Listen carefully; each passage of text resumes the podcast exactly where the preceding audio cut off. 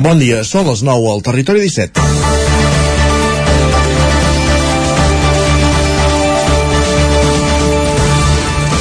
Crònica d'una mort anunciada. No hi haurà candidatura pels Jocs Olímpics d'hivern del 2030. El Comitè Olímpic Espanyol ja ha renunciat aquest dilluns i, en tot cas, es treballaria una candidatura pel 2034.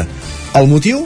res a veure amb el canvi climàtic i les previsions de poca neu al Pirineu dels propers anys, ni tampoc amb les protestes per l'impacte negatiu sobre el territori que poden tenir uns jocs. Senzillament, ha estat una qüestió política. Des que el president aragonès, no el de Catalunya, el de la comunitat d'Aragó, que es diu José Luis Lamban, es va desmarcar de la proposta que havien pactat els tècnics de la seva administració que presideix amb els catalans, ha fet tot el possible per dinamitar-la. Si anem anys enrere i tenint en compte que la candidatura de Jaca a l'Aragó ha estat tombada en fins a cinc ocasions, va ser el COE qui va anar a buscar una marca amb potencialitat com Barcelona per articular la candidatura. Després de treballar-hi durant anys, arribava el moment de presentar una proposta presentada com una proposta de mínims per reduir l'impacte sobre el terreny i aprofitar al màxim les infraestructures existents i que distribuïa les proves entre els Pirineus català i aragonès i es plantejaven buscar aliats fora del Pirineu pels salts d'esquí i l'Skeleton. Parlàvem de Sarajevo. I aquí va ser on es va fer pública la rabieta de l'Amban, a un any de les eleccions autonòmiques i ningú del seu partit, el PSOE, que ha fet com si la cosa no anés amb ell, tot i estar governant a la Moncloa, ha estat capaç de redreçar la situació. Que tot plegat serveixi per posar els Pirineus al centre i dotar les seves comarques, entre elles el Ripollès, dels serveis necessaris per ser un lloc amb possibilitats on viure i establir-s'hi i establir-hi projectes econòmics dimensionats a la seva realitat i necessitats. Serveis i infraestructures com poden ser la línia de tren Barcelona-Vic-Puigcerdà per tal que el trajecte entre la capital de la Cerdanya i la del país es pugui fer en un temps competitiu competitiu per viure, i està clar. Potser sí, no farà falta plantejar-se cap més candidatura. De fet, en lloc està escrit que els Pirineus hagin d'acollir uns Jocs d'hivern. És dimarts, 21 de juny de 2022. Comença el Territori 17 a la sintonia de la veu de Sant Joan, Ona Codinenca, Ràdio Cardedeu, Ràdio Vic, el 9 FM i el 9 TV. Territori 17, amb Isaac Moreno i Jordi Sunyer.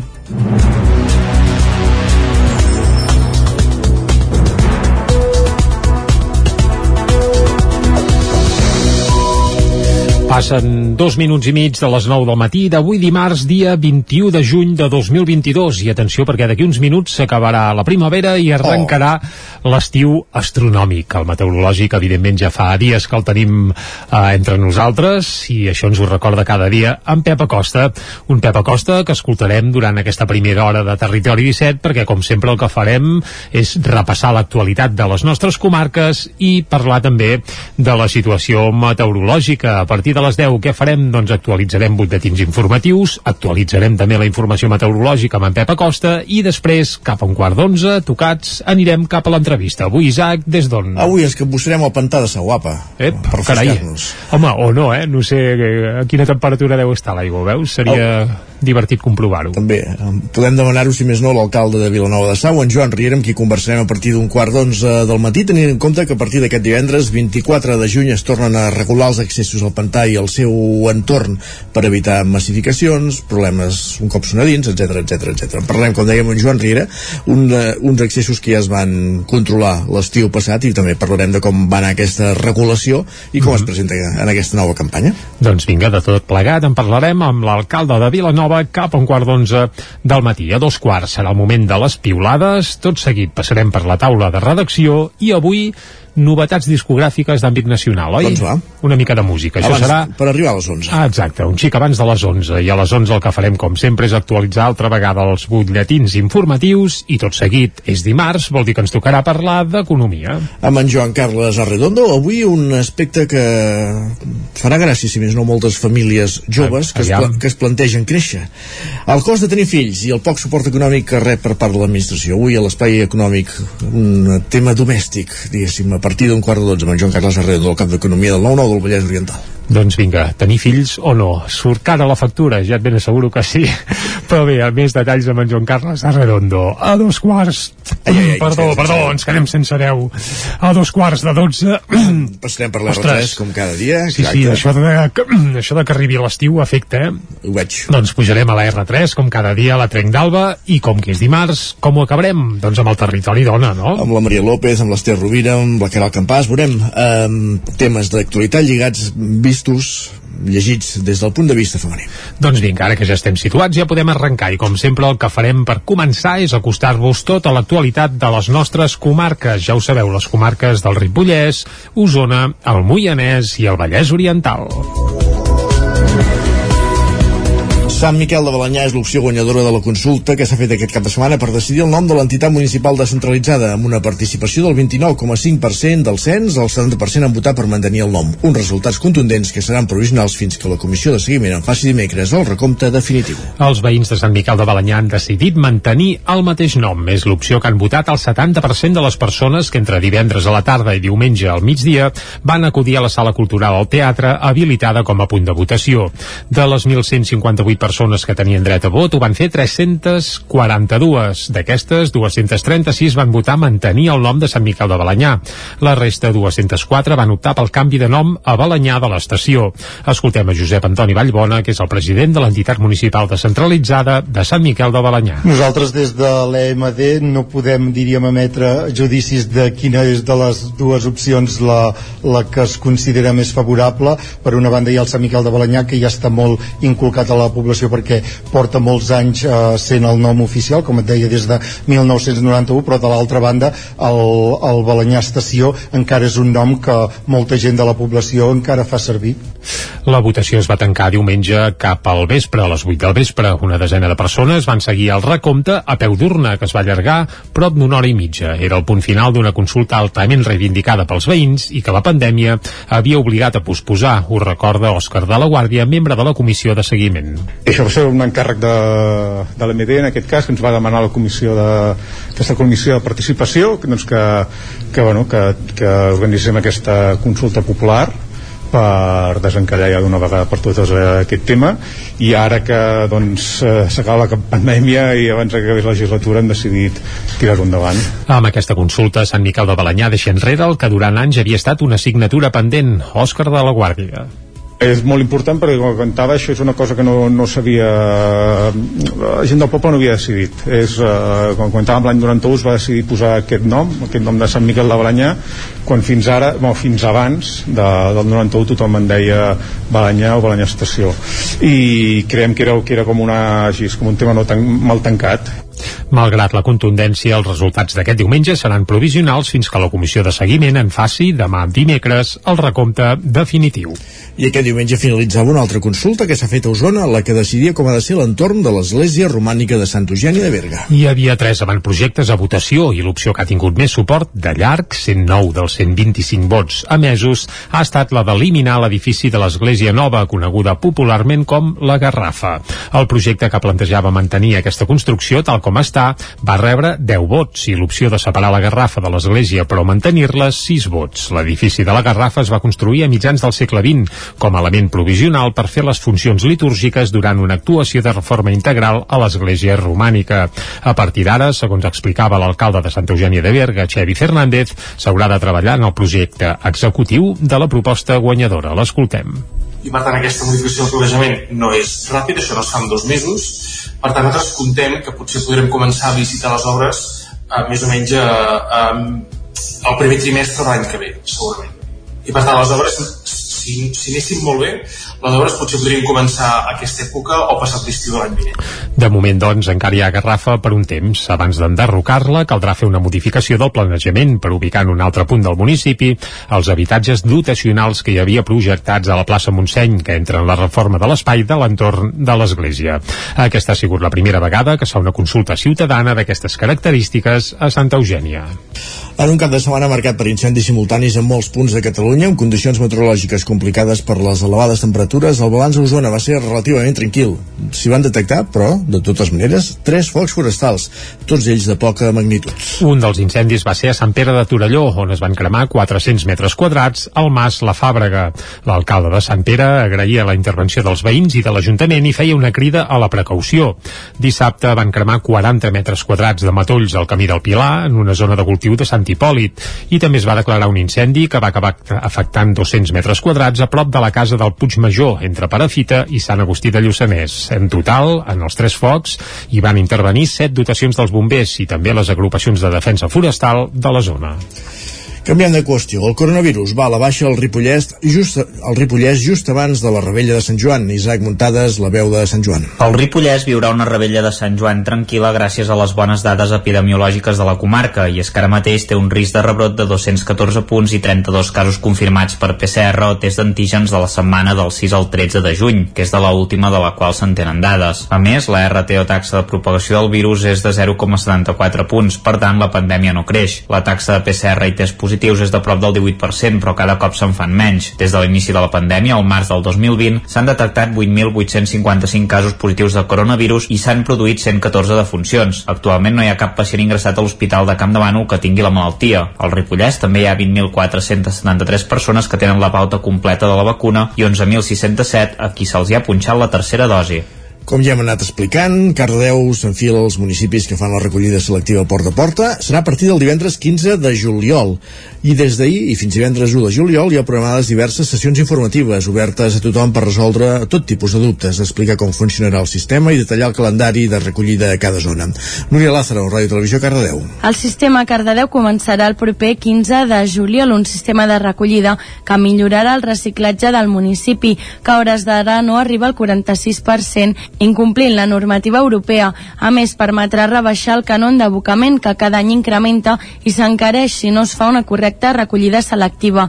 Verònica Vidal, regidora de Medi Ambient i Verd Urbà. Cardedeu és una població molt gran, són gairebé 19.000 habitants i per tant doncs, és una, una recollida complexa. Per això l'hem hagut de dividir en tres zones diferents que tindran tres horaris diferents de recollida, tres calendaris diferents i el que, el que fem és ajustar els calendaris en funció una mica de que els equips de recollida doncs, puguin anar-se combinant. Amb aquest sistema porta a porta recuperarà espai públic i s'incrementarà la participació generalitzada en la separació de residus i en la recollida selectiva.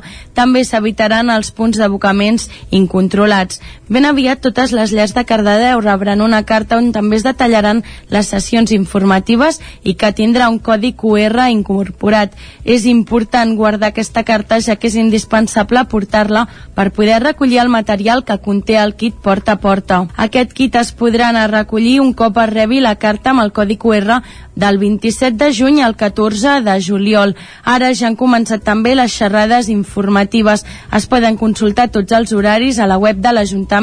Estan separades per zones i algunes d'específiques per habitatges amb molts veïns. Tanmateix també es pot anar a la xerrada que millor vagi per horari o a una de les dues sessions de matí que estan programades al casal de la gent gran. Amb tanta normativa, aquest sistema de recollida pot semblar molt complicat, però dono fe que és molt senzill de fer anar. Fins i tot el sé fer anar jo, imagina't. Més qüestions. A la sala polivalent de Ceba acollia dissabte la presentació del llibre que Xavier Cateura del Brull, escrit basant-se en el testimoni de Josep Soler i Josep Rifà, dos veïns de la localitat que van combatre la Guerra Civil Espanyola en l'anomenat Terç de la Mare de Déu de Montserrat. Sota el títol La Guerra Civil de dos veïns de Ceba, Cateura hi recull la seva història a partir de dietaris que fins ara havien conservat les seves respectives famílies. Tots dos van combatre al costat de les tropes franquistes a l'Ebre, a Guadalajara o a Extremadura. Escoltem a Xavier Cateura. Jo m'he trobat que molts d'aquests eh, que van estar a la guerra, molts homes que van estar a la guerra, tant un bando com en l'altre, generalment portaven una llibreteta i un llàpis i quan podien escrivien dia tal passa tal cosa. No gaire més. No, allà no es podia fer de, dedicar a escriure un llibre per entendre'ns no? i això els, els hi va servir per una vegada acabada la guerra poder refer tot allò que van viure. Generalment la cosa eh, és així En el mateix acte de presentació del llibre, el director general de Memòria Democràtica, Antoni Font, va lliurar a representants de les famílies de represaliats per la dictadura el document de reparació jurídica que acredita la nulitat de les sentències que els van condemnar, en un acte similar al que s'havia fet fa uns dies a Tona. En total es van lliurar una trentena d'actes que anulen els consells de guerra que hi va haver contra veïns de Ceba. L'Ajuntament de Vic ha posat en marxa la segona fase del Vic.0. Una excavació a la Pietat n'ha donat el tret de sortida. Els treballs, dirigits per l'arqueòleg Eduard Sánchez, han posat al descobert restes arqueològiques que van des de finals del segle VIII fins al segle XIX. Aquesta segona fase suposarà una inversió d'1,8 milions d'euros i finalitzarà a finals, a finals de l'any 2023. Una excavació al cor de la nau central a la Pietat de Vic ha donat el tret de sortida a la segona fase del Vic.0. Uns treballs que dirigeix l'arqueòleg Eduard Sánchez i que de moment deixen a la vista prevista més de 10 segles en l'evolució de la capital usonenca. La segona fase, que suposarà una inversió d'1,8 milions d'euros, acabarà a finals de l'any 2023. Anna Alemany és la regidora de Turisme de l'Ajuntament de Vic. Aquesta Setmana Santa ha començat el que us deia a l'inici, la segona fase del Vic.0, amb les excavacions arqueològiques sota el cor de la nau central. I aquesta segona fase també té una segona actuació que és l'enllumenat de la nau central i també l'accessibilitat del sobre d'aquesta nau central. Un projecte que culminarà amb un mapping que es projectarà a la façana del temple romà, en alemany. Aquesta segona fase tindrà com a punt àlgid que durant el primer trimestre de l'any 2023 inaugurarà inaugurarem, estem pre està previst que, que inaugurem un mapping en el temple romà, un mapping en el qual s'explicarà l'evolució urbanística, històrica i social doncs, d'aquest espai. També canviarà la nau central de la Pietat, on per ara l'excavació que ja ha deixat al descobert restes de l'església preromànica dedicada a Sant Sadurní, que podrien datar del segle VIII o principis del segle IX, quedaran al descobert. No va ser fins l'any 1633, en ple segle XVII, quan van començar a construir-se l'actual església de la Pietat. D'aquest aquesta època, de fet, són algunes de les restes que també han aparegut. Eduard Sánchez és l'arqueòleg que dirigeix l'excavació.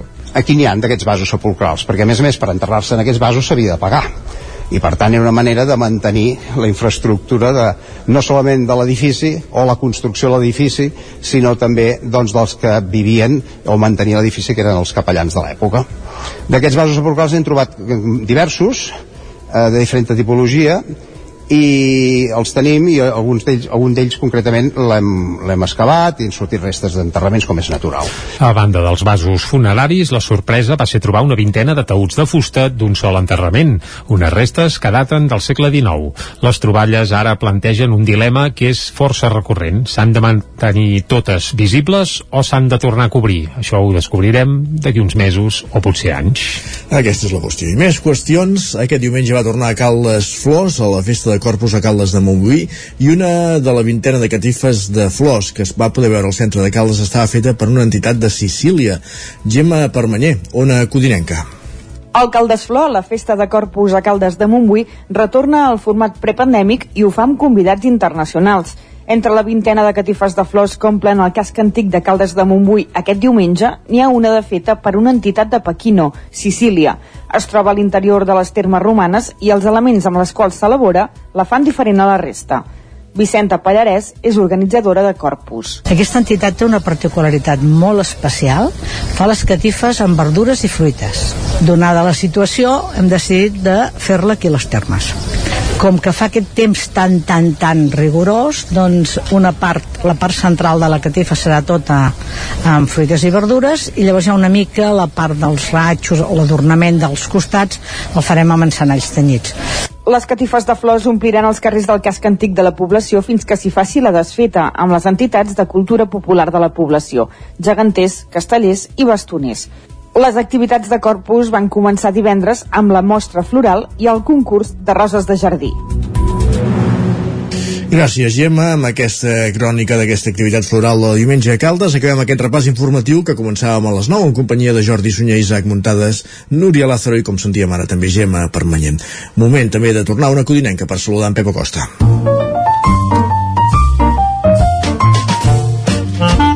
Casa Terradellos us ofereix el temps. I vinga, en Pep, el que li hem de demanar és pel temps, però avui el tenim emocionat perquè arrenca l'estiu astronòmic, eh? Bon dia, Pep. Hola, molt bon dia. I molt bona hora. Benvinguts a la última informació meteorològica d'aquesta primavera Ep. de l'any 2022. Vinga, anem-hi, doncs. A les 11 i 14 minuts mm -hmm. entrarem ja a l'estiu, tot i que meteorològicament parlant sí, fa dies, ja fa bastants dies que ja hem entrat eh, oficialment, oficialment entrarem avui a les 11 i 14 minuts, com deia, a l'estiu 2022. I ho fem eh, l'última nit de primavera serà una nit eh, bastant suau, han pujat una mica les temperatures, ha bufat una mica de vents de sud, hi ha més humitat, no ha estat tan de mal dormir com les, les, les de la setmana passada, però sí que s'ha notat aquest increment de temperatura, mínimes de més de 20 graus cap al litoral, entre 15 i 20 a la majoria de les poblacions cap a l'interior. I més núvols. Hi ha més núvols, hi ha més humitat, hi ha una mica de canvi per fi i aquesta tarda es poden produir més tempestes eh, jo la veritat em pensava que ahir a la tarda ja en cauria alguna eh, potser tinc masses ganes de que en caiguin i em va decepcionar una mica les tempestes que van caure. Bueno, no, no va caure cap. Em va decepcionar això, eh, que no en caigués cap. Em sembla que en caurien més, alguna. I, i però això no, no, no vam tenir precipitacions ahir la tarda. Eh, tots els models, tots els mapes indiquen que aquesta tarda sí, aquesta tarda eh, no només al Pirineu sinó també cap a Osona Mollanès cap al Vallès també és possible alguna precipitació. Esperem que arribin a caure. Ja, ja si és veritat. I cap a la tarda tenim ja forces precipitacions. Les temperatures màximes eh, no pujaran gaire eh, molt semblants les d'ahir la majoria entre els 26 i els 30 graus i molt homogènies eh, unes temperatures molt semblants a moltes i moltes poblacions. No hi ha grans contrastos entre, entre les nostres poblacions i tampoc no hi ha molta diferència entre el dia i la nit eh? si, si, si, si observeu he dit mínimes avui al voltant de 20 graus moltes i màximes al voltant de 30 graus per tant poca oxidació tèrmica entre el dia i la nit eh, vents de sud que són els que van fet pujar una mica la temperatura diurna eh, nocturna, perdó aquests vents de sud són els que han fet pujar aquesta temperatura però durant el dia els vents seran variables i en moment de tempesta poden bufar en una certa intensitat si és que arriben les tempestes o clar aquests vents. Això és tot. A disfrutar el dia d'avui, a disfrutar aquesta arribada de l'estiu 2022, eh, que per cert durarà 93 dies fins al 23 de setembre. Esperem que el gaudiu i, i ho passeu molt bé. Adeu, bon dia a un quart de dotze, eh? És a dir, saludarem en Joan Carles Arredondo i ja estarem a l'estiu. Oita que bé, veus? I atenció, perquè avui, a part d'arribar a l'estiu, sembla que arriben les tempestes, que segur que serviran, si cauen, clar, per refrescar l'ambient i dormir molt més tranquils. Sí, perquè aquesta nit, encara que en Pep digui que no, déu nhi ha costat, eh? En fi, Uh, va, doncs va, unes quantes tempestes que bé que, que aniran i bé que fan falta. I cap al quios, va. I cap al quios, que això. Anem, vinga. Uh, serà a la tarda. us ha ofert aquest espai. Anem al quiosc a conèixer què diuen les portades avui als diaris. Doncs vinga, anem cap al quios. Comencem com sempre pel punt avui, que ahir van reunir a Dolors Bassa i a Josep Rull quan fa un any dels indults, eh, que ja diuen el punt avui, eh? indults que no van caure del cel en un article que, bé, que s'enceta amb un editorial també, i diuen amb el recurs dels indults pot passar de tot, això entre cometes, perquè és una de les cites textuals que s'extreuen de la conversa que van mantenir Dolors Bassa i Josep Rull. Josep també. Rull, que el vaig veure fent un salt de plens, eh? Ja, doncs... Vas anar a la Patum no, i et vas trobar en Josep no, no, Rull? No, vaig ah. veure pel Nou TV. Ah, val, val, val. Però doncs, Josep Rull es va posar dins un ple, era un ple, i va mm. fer el salt. Impressionant. Doncs, escoita, fantàstic, sí, sí. fantàstic. Fa un any no ho hagués pogut fer. Uh, per tant, benvingut sigui el salt de Patum del Josep Rull. De fet, el que explicava era això, que havia vist la Patum des de Lledoners en alguna audició i que va dir que ell voldria ser allà alguna hora quan sortís mira, pam. Va, ha acabat la pandèmia perquè dos anys sense patum, sense salts es portaven, el que no va poder fer és anar als concerts després a, a, a les tantes allà barraques de patum a rematar-ho, eh? Perquè un jutge, bé, és que els jutges avui dia, bé, tant és. A seguim, va. També un altre titular al punt avui, jocs sacrificats abans que catalans. És a dir, que amb el titular ja deixen anar eh, també una mica el per què no hi haurà o si més no el 2030 no hi haurà jocs eh, al Pirineu. Anem cap a l'ara. El Comitè Olímpic Espanyol liquida la candidatura dels Jocs del 2030. El comitè ha comunicat la decisió a la Generalitat i avui assenyalarà l'Amban com a culpable del fracàs. També èxtasi a Girona i es veu una fotografia amb Marc Gasol i un jugador del Girona de futbol perquè la ciutat... Cristian Estuani, no? Mm, saps que diria que sí, però no ho afirmaria del tot Crec que sí, clar, li treu tres pams en Gasol, sí, però sí, sí, jo diria que sí, que és l'Estuani, eh? segurament el jugador insigne del Girona de futbol. Doncs la ciutat celebra l'ascens a la màxima categoria dels equips de futbol i bàsquet, i evidentment estan eufòrics allà al balcó de l'Ajuntament. I també la Lisi admet la derrota i que li serà complicat governar, i és que Macron manté el silenci i l'oposició demana que plegui a la primera ministra, i és que Macron, al Parlament ara no hi tindrà gaire complicitat tenint en compte el resultat de les eleccions que hi va haver aquest cap de setmana també a França. El periòdico. Veus del PSOE demanen una crisi de govern arran del fiasco andalús. La fotografia, però, no és per les eleccions andaluses i el que se'n va derivar, sinó per Girona. I diuen Gresca de primera. I a la fotografia es veu els jugadors tant de bàsquet com de futbol enfilats a dalt d'un autobús eh, fent una rua que va rebentar Girona eh, durant tot ahir. I també el xoc entre Catalunya i Aragó força el Comitè Olímpic Espanyol a ajornar els Jocs. Això també apareix a la portada del periòdico. Anem a l'avantguàrdia. Sánchez decidit a reactivar el govern central després de la desfeta andalusa. Aquest és el titular principal. Eh, el president reafirma que acabarà la legislatura i nega un canvi de cicle a favor del PP.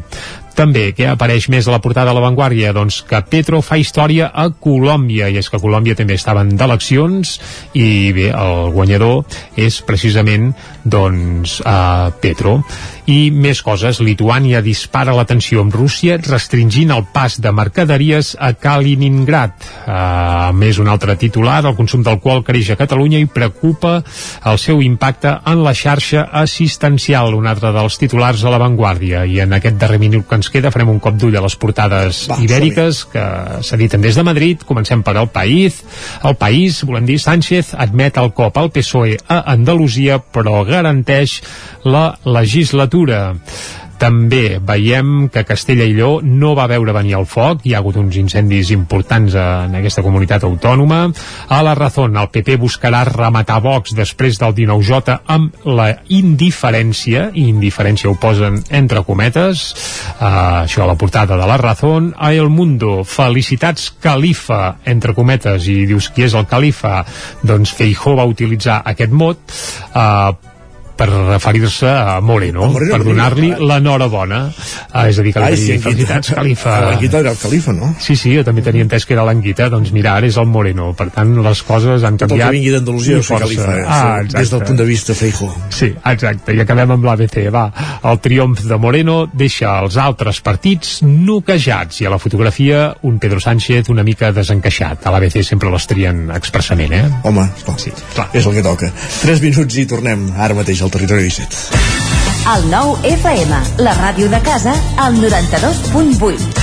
Informa't dels graus i cicles formatius de grau superior de la UBIC. Demana'ns una sessió personalitzada presencial o virtual. Orientadors, professorat i estudiants t'ajudarem a resoldre tots els teus dubtes. Escriu-nos a ubic.cat barra info barra atenció personalitzada. Universitat de Vic, Universitat Central de Catalunya. Cobertes serveis funeraris. Els nostres tanatoris estan ubicats en els nuclis urbans més poblats de la comarca d'Osona per oferir un millor servei. Tanatori de Vic, Tanatori de Manlleu, Tanatori de Centelles i Tanatori de Roda de Ter. Sabem que són moments difícils i per això el nostre compromís és atendre-us en tot moment amb un tracte humà, sensible i respectuós. Cobertes serveis funeraris. Telèfon 24 hores 93 883 23 46. Tic, tac, tic, tac. Per fi, atac dental i radiografia dental a Torelló. A la Clínica Dental Sant Fortià hi trobareu un equip professional que treballa de manera coordinada per oferir un tracte sensible i humà. Estem preparats per qualsevol urgència dental i oferim accions preventives per la tercera edat i els infants. El doctor Ramon Garcia, implantòleg de Barcelona, fa 10 anys que visita Torelló. Truca'ns al 93 859 6408 i tindràs la primera visita gratuïta i la radiografia panoràmica i el tac dental sense cap cost. Clínica Dental Sant Fortià. Ens trobareu a la plaça Sant Fortià número 9 de Torelló al 93 859 6408. Tic, tac, tic, tac. Per fi, tac a Torelló. El Roures Parc de Ceba. Obrim a partir del 27 de juny. Pista de volei, pista 3x3, bar, zona de pícnic i una gran caseta de boles. Tres piscines amb un ampli entorn de gespa i arbredes frondoses per gaudir de la natura sense passar calor. I aquest any estrenem jocs infantils i tornen els tastets de volei pels més petits. El Roures Parc de Ceba. Obrim cada dia des de dos quarts d'onze fins a dos quarts de vuit del vespre. T'hi esperem. Ja tenim aquí la Revella de Sant Joan. Prepara't! A Manli seleccionem el millor en pirotècnia, bateries, bengales, trons, coets, els millors preus, ofertes tots els dies de Revella i tot l'any. Visiteu el catàleg a manli.cat. Manli, al carrer Ramon Soler, telèfon 93 889 0484. Vic, Sant Joan, ja és aquí. Anuncia't al 9FM. La màquina de casa. 9 3 8 8 9 4 9 4 9. Publicitat arroba al 9FM.cat. Anuncia't al 9FM. La publicitat més eficaç. El 9FM. El 9FM. En punt dos quarts de deu al territori 17. Territori 17, amb Isaac Moreno i Jordi Sunyer.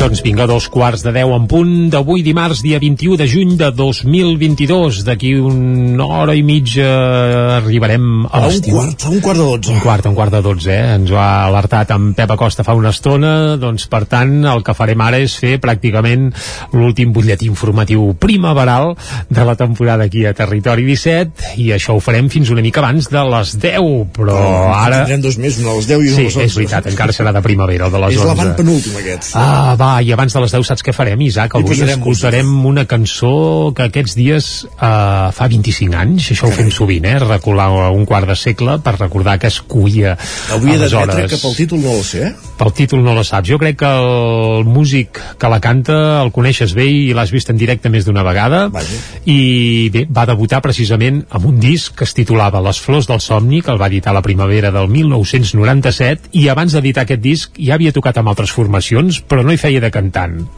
Hi feia de saxofonista i clarinetista. Home, doncs ja sé per on Saps per on van els trets, sí? Sí, sí, és cert, l'he vist molt i el segueixo molt i m'agrada molt. Doncs va debutar fa ara mateix 25 anys i abans de les 10 descobrirem uh, qui és. Alguns des de casa segur que ja ho sabeu, l'Isaac, per exemple, ja ho té clar, però va, us deixem una mica amb la incògnita. A les 10, va, actualitzarem... m'ho buscar, eh? Sí, ja, ah, punyetes. doncs vinga, va, a les 10 actualitzarem butlletins informatius, encara uh, capbussats a la primavera, i també amb to primaveral anirem després cap a Vilanova de Sau, oi, Per Isaac? parlar amb el seu alcalde, en Joan Riera, tenint en compte que a partir d'aquest divendres 24 de juny es tornen a regular els accessos al pantà de Sau i el seu entorn. A dos quarts d'onze serà el moment de les piulades i posarem una mica de cullerada i humor, si podem. Tot seguit passarem per la taula de redacció i després música. Repassarem, coneixerem algunes novetats del mercat nacional abans de les 11 aquí al territori 17, com fem de tant en tant els dimarts. A les 11 més informació, actualitzarem butlletins informatius i tot seguit, quan ja ens atansem a, a l'estiu, que això serà espectacular, en Joan Carles Arredondo. Per parlar d'economia domèstica avui, el cost de tenir fills i el poc suport econòmic i institucional que, que hi ha. Doncs això donaria per molt, eh? Però ho haurem de rematar perquè a dos quarts de dotze el que hem de fer és pujar a la R3, a la Trenc d'Alba, com cada dia, i per acabar els dimarts ho fem amb el territori dona. Tocant aspectes de l'actualitat, vistos en clau femenina amb la Maria López, amb l'Ester Rovira, amb la Caral Campàs, avui a partir de dos quarts de dotze, per acabar el programa. Doncs vinga, ara que ja estem situats ja podem seguir. El que farem com sempre, ara que ja són dos quarts i 3 minuts eh, de 10 del matí és acostar-vos de nou l'actualitat de les nostres comarques. Ja ho sabeu, les comarques del Ripollès, Osona, el Moianès i el Vallès Oriental. Sant Miquel de Balanyà és l'opció guanyadora de la consulta que s'ha fet aquest cap de setmana per decidir el nom de l'entitat municipal descentralitzada amb una participació del 29,5% del cens, el 70% han votat per mantenir el nom. Uns resultats contundents que seran provisionals fins que la comissió de seguiment en faci dimecres el recompte definitiu. Els veïns de Sant Miquel de Balanyà han decidit mantenir el mateix nom. És l'opció que han votat el 70% de les persones que entre divendres a la tarda i diumenge al migdia van acudir a la sala cultural al teatre habilitada com a punt de votació. De les 1.158 persones que tenien dret a vot, ho van fer 342. D'aquestes, 236 van votar mantenir el nom de Sant Miquel de Balanyà. La resta, 204, van optar pel canvi de nom a Balanyà de l'estació. Escoltem a Josep Antoni Vallbona, que és el president de l'entitat municipal descentralitzada de Sant Miquel de Balanyà. Nosaltres des de l'EMD no podem, diríem, emetre judicis de quina és de les dues opcions la, la que es considera més favorable. Per una banda hi ha el Sant Miquel de Balanyà, que ja està molt inculcat a la població perquè porta molts anys eh, sent el nom oficial, com et deia, des de 1991, però de l'altra banda el, el Balanyà Estació encara és un nom que molta gent de la població encara fa servir. La votació es va tancar diumenge cap al vespre, a les 8 del vespre. Una desena de persones van seguir el recompte a peu d'urna, que es va allargar prop d'una hora i mitja. Era el punt final d'una consulta altament reivindicada pels veïns i que la pandèmia havia obligat a posposar, ho recorda Òscar de la Guàrdia, membre de la comissió de seguiment. Això va ser un encàrrec de, de l'MD, en aquest cas, que ens va demanar la comissió de, aquesta comissió de participació, doncs que, que, bueno, que, que organitzem aquesta consulta popular per desencallar ja d'una vegada per totes eh, aquest tema. I ara que doncs eh, s'acaba la pandèmia i abans que acabés la legislatura hem decidit tirar-ho endavant. Amb aquesta consulta, Sant Miquel de Balanyà deixa enrere el que durant anys havia estat una assignatura pendent, Òscar de la Guàrdia és molt important perquè com comentava això és una cosa que no, no sabia la gent del poble no havia decidit. És, eh, com comentàvem l'any 91 es va decidir posar aquest nom aquest nom de Sant Miquel de Balanyà quan fins ara, bueno, fins abans de, del 91 tothom en deia Balanyà o Balanyà Estació. I creiem que era, que era com, una, així, com un tema no tan, mal tancat. Malgrat la contundència, els resultats d'aquest diumenge seran provisionals fins que la comissió de seguiment en faci demà dimecres el recompte definitiu. I aquest diumenge finalitzava una altra consulta que s'ha fet a Osona, la que decidia com ha de ser l'entorn de l'església romànica de Sant Eugeni de Berga. Hi havia tres avantprojectes a votació i l'opció que ha tingut més suport de llarg, 109 dels 125 vots emesos, ha estat la d'eliminar l'edifici de l'església nova, coneguda popularment com la Garrafa. El projecte que plantejava mantenir aquesta construcció tal com està va rebre 10 vots i l'opció de separar la Garrafa de l'església però mantenir-la 6 vots. L'edifici de la Garrafa es va construir a mitjans del segle XX com a element provisional per fer les funcions litúrgiques durant una actuació de reforma integral a l'església romànica. A partir d'ara, segons explicava l'alcalde de Santa Eugènia de Berga, Xevi Fernández, s'haurà de treballar en el projecte executiu de la proposta guanyadora. L'escoltem. I per tant aquesta modificació del planejament no és ràpid, això no es fa en dos mesos, per tant nosaltres contem que potser podrem començar a licitar les obres eh, més o menys eh, eh, el primer trimestre de l'any que ve, segurament. I per tant les obres si, si anéssim molt bé, les obres potser podrien començar a aquesta època o passat l'estiu de l'any vinent. De moment, doncs, encara hi ha Garrafa per un temps. Abans d'enderrocar-la, caldrà fer una modificació del planejament per ubicar en un altre punt del municipi els habitatges dotacionals que hi havia projectats a la plaça Montseny, que entra en la reforma de l'espai de l'entorn de l'església. Aquesta ha sigut la primera vegada que es fa una consulta ciutadana d'aquestes característiques a Santa Eugènia. En un cap de setmana marcat per incendis simultanis en molts punts de Catalunya, amb condicions meteorològiques complicades per les elevades temperatures, el balanç a Osona va ser relativament tranquil. S'hi van detectar, però, de totes maneres, tres focs forestals, tots ells de poca magnitud. Un dels incendis va ser a Sant Pere de Torelló, on es van cremar 400 metres quadrats al Mas La Fàbrega. L'alcalde de Sant Pere agraïa la intervenció dels veïns i de l'Ajuntament i feia una crida a la precaució. Dissabte van cremar 40 metres quadrats de matolls al camí del Pilar, en una zona de cultiu de Sant Hipòlit, i també es va declarar un incendi que va acabar afectant 200 metres quadrats quadrats a prop de la casa del Puig Major, entre Parafita i Sant Agustí de Lluçanès. En total, en els tres focs, hi van intervenir set dotacions dels bombers i també les agrupacions de defensa forestal de la zona. Canviant de qüestió, el coronavirus va a la baixa al Ripollès just, al Ripollès just abans de la rebella de Sant Joan. Isaac Muntades, la veu de Sant Joan. El Ripollès viurà una rebella de Sant Joan tranquil·la gràcies a les bones dades epidemiològiques de la comarca i és que ara mateix té un risc de rebrot de 214 punts i 32 casos confirmats per PCR o test d'antígens de la setmana del 6 al 13 de juny, que és de la última de la qual se'n tenen dades. A més, la RT o taxa de propagació del virus és de 0,74 punts, per tant la pandèmia no creix. La taxa de PCR i test positius és de prop del 18%, però cada cop se'n fan menys. Des de l'inici de la pandèmia, al març del 2020, s'han detectat 8.855 casos positius de coronavirus i s'han produït 114 defuncions. Actualment no hi ha cap pacient ingressat a l'Hospital de Camp de Bànol que tingui la malaltia. Al Ripollès també hi ha 20.473 persones que tenen la pauta completa de la vacuna i 11.607 a qui se'ls ha punxat la tercera dosi. Com ja hem anat explicant, Cardedeu s'enfila als municipis que fan la recollida selectiva porta a porta. Serà a partir del divendres 15 de juliol. I des d'ahir i fins divendres 1 de juliol hi ha programades diverses sessions informatives obertes a tothom per resoldre tot tipus de dubtes, explicar com funcionarà el sistema i detallar el calendari de recollida a cada zona.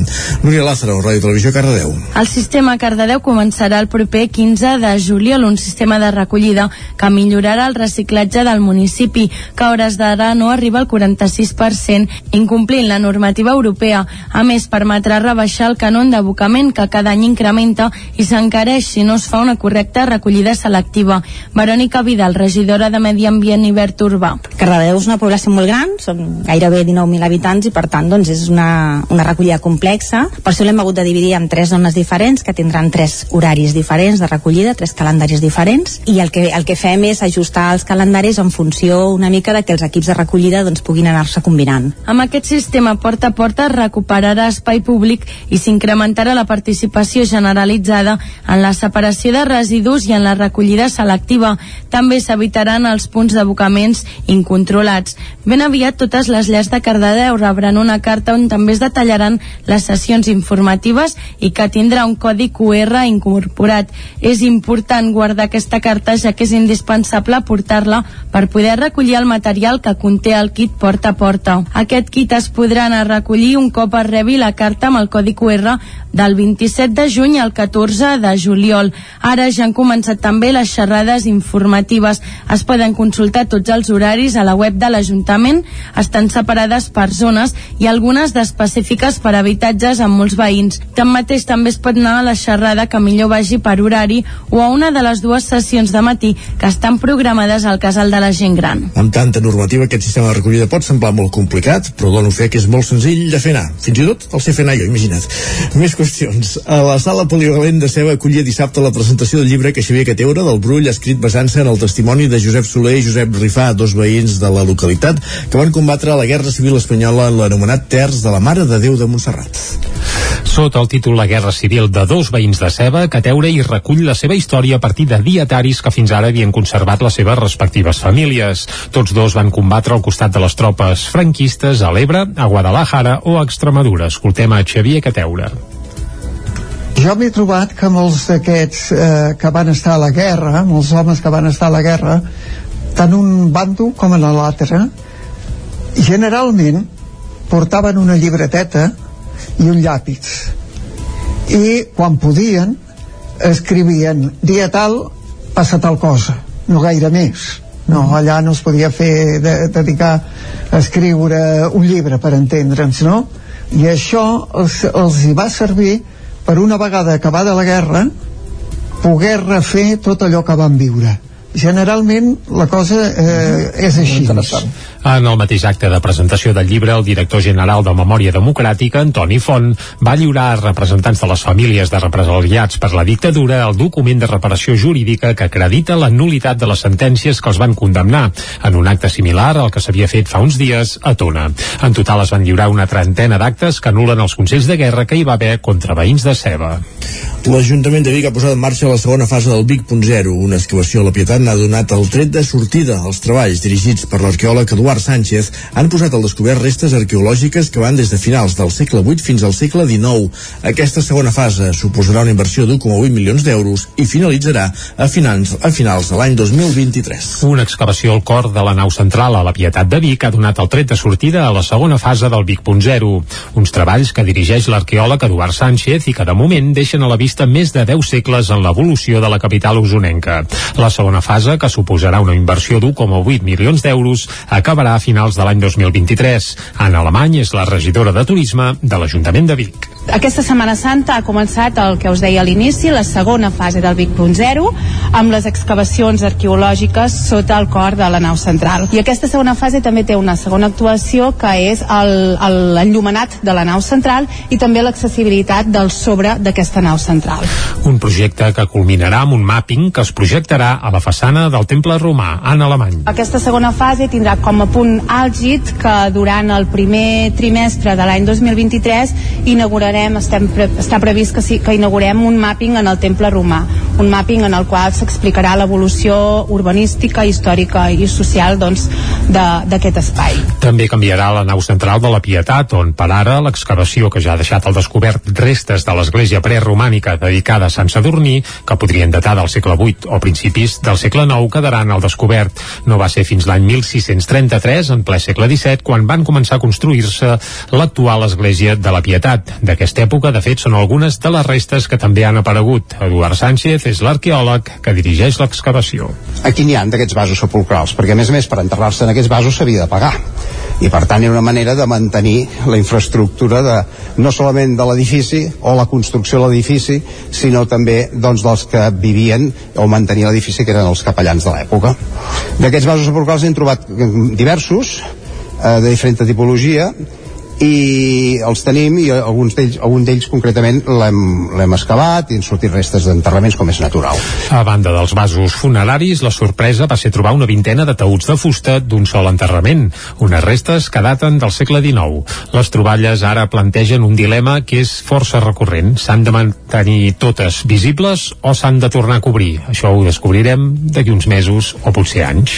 Aquesta és la qüestió. I més qüestions. Aquest diumenge va tornar a Caldes Flors a la festa de Corpus a Caldes de Montbui i una de la vintena de catifes de flors que es va poder veure al centre de Caldes estava feta per una entitat de Sicília. Gemma Permanyer, ona codinenca. El Caldesflor, la festa de Corpus a Caldes de Montbui, retorna al format prepandèmic i ho fa amb convidats internacionals. Entre la vintena de catifes de flors que omplen el casc antic de Caldes de Montbui aquest diumenge, n'hi ha una de feta per una entitat de Paquino, Sicília. Es troba a l'interior de les termes romanes i els elements amb les quals s'elabora la fan diferent a la resta. Vicenta Pallarès és organitzadora de Corpus. Aquesta entitat té una particularitat molt especial. Fa les catifes amb verdures i fruites.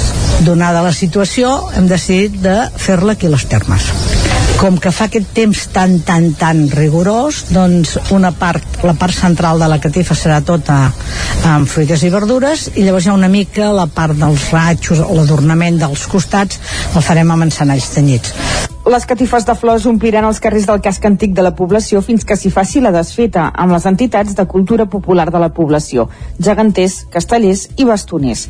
Les activitats de Corpus van començar divendres amb la mostra floral i el concurs de roses de jardí. Gràcies, Gemma. Amb aquesta crònica d'aquesta activitat floral de diumenge a Caldes acabem aquest repàs informatiu que començàvem a les 9 en companyia de Jordi Sunyer, Isaac Muntades, Núria Lázaro i, com sentíem ara, també Gemma Permanyent. Moment també de tornar a una codinenca per saludar en Pepa Costa.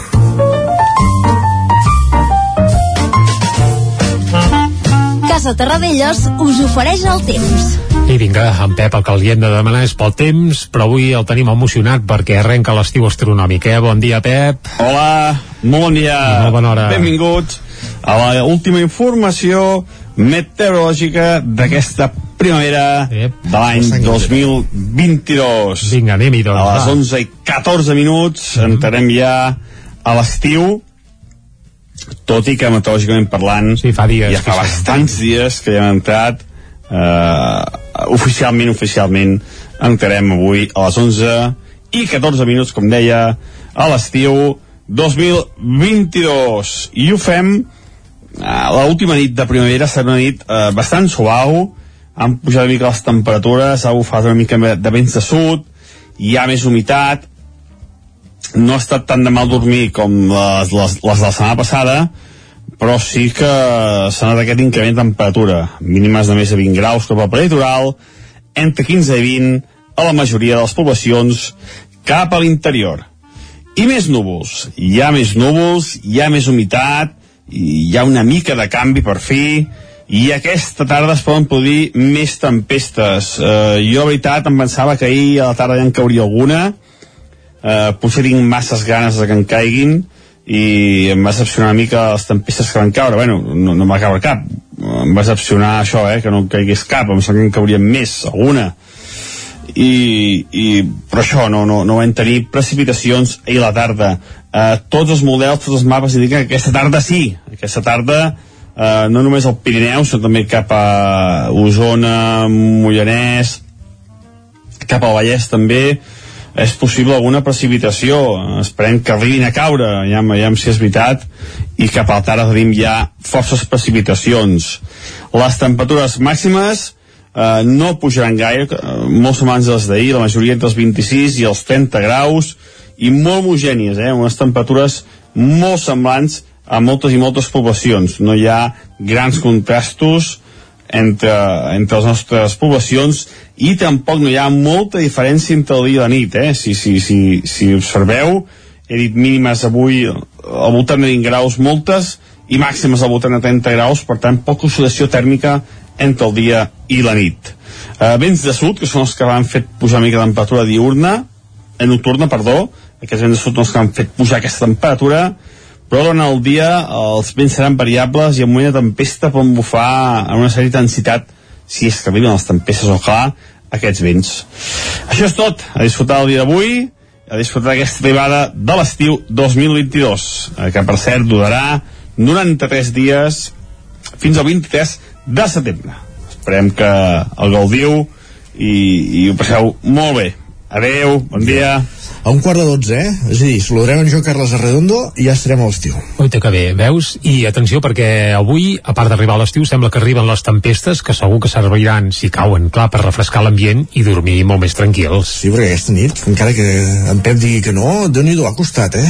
En fi, Uh, va, doncs va, unes quantes tempestes que bé que, que aniran i bé que fan falta. I cap al quios, va. I cap al quios, Per això. Anem, Per aigua, vinga. cal.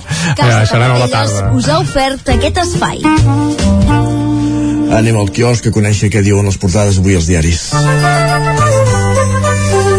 Doncs vinga, anem cap al quios. Comencem com sempre pel punt avui, que ahir van reunir a Dolors Bassa i a Josep Rull quan fa un any dels indults, eh, que ja diuen el punt avui, eh? Indults que no van caure del cel en un article que, bé, que s'enceta amb un editorial també, i diuen amb el recurs dels indults pot passar de tot, això entre cometes, perquè és una de les cites textuals que s'extreuen de la conversa que van mantenir Dolors Bassa i Josep Rull. Josep també. Rull, que el vaig veure fent un salt de plens, eh? Ja, dis, doncs, Vas anar a la Patum no, i et vas trobar en Josep no, no, Rull? ho vaig veure pel nou TV. Ah, val, val, val. Però doncs Josep Rull es va posar dins un ple, era un ple i va fer el salt. Dir, Impressionant. Doncs, escolta, fantàstic, fantàstic. Fa un any no ho hagués pogut fer. Uh, per tant, benvingut sigui el salt de Patum del Josep Rull. De fet, el que explicava era això, que havia vist la Patum des de Lledoners en alguna audició i que va dir que ell voldria ser allà alguna hora quan sortís. Doncs ella, pam. Va, ha acabat la pandèmia, perquè dos anys sense Patum, sense salts, es portaven. El que no va poder fer és anar als concerts després a, a, a les tantes allà barraques de Patum a rematar-ho, eh? Perquè un jutge, bé, és que els jutges avui dia... Bé, tant és. A seguim, va. També un altre titular al punt avui. Jocs sacrificats abans que catalans. És a dir, que amb el titular ja deixen anar eh, també una mica el per què no hi haurà, on, si més no el 2030, no hi haurà jocs eh, al Pirineu. Anem cap a l'ara. El Comitè Olímpic Espanyol liquida la candidatura dels Jocs del 2030. El comitè ha comunicat la decisió a la Generalitat i avui assenyalarà l'Amban com a culpable del fracàs. També èxtasi a Girona i es veu una fotografia amb Marc Gasol i un jugador del Girona de futbol perquè la ciutat... Cristian Estuani, no? Mm, saps que diria que sí, però no ho afirmaria del tot? Crec que sí, clar, li treu tres pams en Gasol, Sí, però sí, sí, jo diria que sí, que és l'Estuani, eh? segurament el jugador insigne del Girona de futbol. Doncs la ciutat celebra l'ascens a la màxima categoria dels equips de futbol i bàsquet, i evidentment estan eufòrics allà al balcó de l'Ajuntament. I també la Lisi admet la derrota i que li serà complicat governar, i és que Macron manté el silenci i l'oposició demana que plegui a la primera ministra, i és que Macron al Parlament ara no hi tindrà gaire complicitat tenint en compte el resultat de les eleccions que hi va haver aquest cap de setmana també a França. El periòdico. Veus del PSOE demanen una crisi de govern arran del fiasco andalús. La fotografia, però, no és per les eleccions andaluses i el que se'n va derivar, sinó per Girona. I diuen Gresca de primera. I a la fotografia es veu els jugadors tant de bàsquet com de futbol enfilats a dalt d'un autobús eh, fent una rua que va rebentar Girona eh, durant tot ahir. I també el xoc entre Catalunya i Aragó força el Comitè Olímpic Espanyol a ajornar els Jocs. Això també apareix a la portada del periòdico. Anem a l'avantguàrdia. Sánchez decidit a reactivar el govern central després de la desfeta andalusa. Aquest és el titular principal. El president reafirma que acabarà la legislatura i nega un canvi de cicle a favor del PP. També, què apareix més a la portada de l'avantguàrdia? Doncs que Petro fa història a Colòmbia, i és que Colòmbia també estaven d'eleccions, i bé, el guanyador és precisament doncs a Petro. I més coses, Lituània dispara la tensió amb Rússia restringint el pas de mercaderies a Kaliningrad. Uh, més un altre titular, el consum d'alcohol creix a Catalunya i preocupa el seu impacte en la xarxa assistencial, un altre dels titulars de l'avantguàrdia. I en aquest darrer minut que ens queda farem un cop d'ull a les portades Va, ibèriques que s'editen des de Madrid. Comencem per El País. El País, volem dir, Sánchez admet el cop al PSOE a Andalusia, però garanteix la legislatura. També veiem que Castella i Lleó no va veure venir el foc, hi ha hagut uns incendis importants en aquesta comunitat autònoma. A la Razón, el PP buscarà rematar Vox després del 19J amb la indiferència, i indiferència ho posen entre cometes, uh, això a la portada de la Razón. A El Mundo, felicitats Califa, entre cometes, i dius qui és el Califa? Doncs Feijó va utilitzar aquest mot, uh, per referir-se a Moreno, Moreno per donar-li l'enhorabona. Ah, és a dir, que li Ai, felicitats, Califa. L'Anguita era el Califa, no? Sí, sí, jo també tenia entès que era l'Anguita, doncs mira, ara és el Moreno. Per tant, les coses han canviat. Tot el que vingui d'Andalusia és Califa, eh? ah, des del punt de vista Feijo. Sí, exacte, i acabem amb l'ABC. Va, el triomf de Moreno deixa els altres partits noquejats i a la fotografia un Pedro Sánchez una mica desencaixat. A l'ABC sempre les trien expressament, eh? Com no? Sí, home, home. Clar, és que cal deixar bé la gent que et cau bé, cal deixar malament la gent que et cau malament, i això amb una bona fotografia, doncs sovint es pot fer de manera relativament fàcil. Però no parlarem de fotografies, anava ara, eh? subliminal, però no, subliminal no seria la manera. Bé, per fotografies, la que il·lustra la portada del disc que ja estem escoltant de fons, el disc es titula Les flors del somni, es va editar l'any 1997 i ja hem dit abans que aquests dies se'n compleixen 25 anys i aquest disc va ser el del debut en solitari de Roger Mas com a cantautor. El uh, correcte, aquest xicot de Solsona, que aquella època era un cantautor d'aire hippie, uh, les seves cançons també tenien molt aquesta, aquesta arrel així una mica hippie que vivia del Pau, bueno, bevien bàsicament del Pau Riba, de la natura, eren cançons molt així Uh, bé, per dir-ho ras i curt, una mica emboirades i la natura hi era tan present que, per exemple, aquesta cançó que escoltem ara acaba fins i tot amb soroll d'aigua, se sent, eh? perquè les, els enregistraments es van fer pràcticament tots al carrer, bueno, no al carrer sinó pel bosc, o etc etc. tot va ser una mica així natural, com feia el Pau Riba als anys 70, però Riba va anar a Formentera i Roger Mas es va quedar pels barals de Solsona, eh? això també cal dir-ho. I el Roger Mas, clar, dius, aquest xicot ja havia havia tocat abans, i tant, havia tocat, per exemple, amb les Pallofes radioactives, que era un grup de rock and roll de Solsona, i dius, i què hi feia? El Roger cantava? Doncs no, el Roger Mas hi tocava el saxo i el clarinet en aquesta formació, i també havia format part, per exemple, de l'orquestra de, del Carnaval de Solsona, una espècie de xeranga, i el Roger Mas hi tocava el saxo i el clarinet també amb aquella alegria, i a partir del 97, doncs això, va debutar amb les Flors del Somni, el seu primer disc, des de llavors en porta uns quants ja, 25 anys de trajectòria i segurament una trajectòria que l'ha confirmat ara mateix com una de les veus més interessants, fermes i consolidades del panorama musical nacional eh, i bé, el seu debut, el seu inici arrenca amb aquest, Les flors del somni, on hi havia perles com aquest llums de colors que ja estem escoltant, eh, tenia aquest títol, eh, Llums de colors, la flor de la consciència, aquest era el subtítol d'aquesta peça que escoltem ara i que acabarem d'escoltar fins al punt de les 10 aquí a Territori 17. Recordant que aquests dies es compleix el 25è aniversari ja de l'edició del primer disc del cantautor de Solsona, Roger Mas. Doncs vinga, som-hi. Vinga, anem-hi.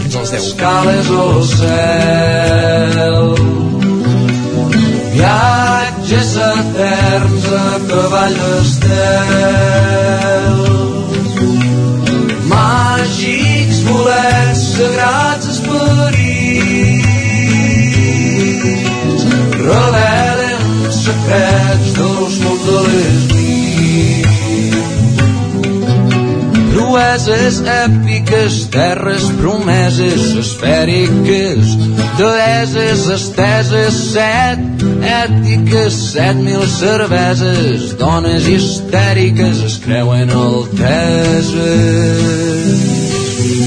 Teixons i falcons, trons i escurçons, bons i pinyons, moixons i llobatons, tritons i pendons, coloms i gatons, suaus petons tendreixen el fons.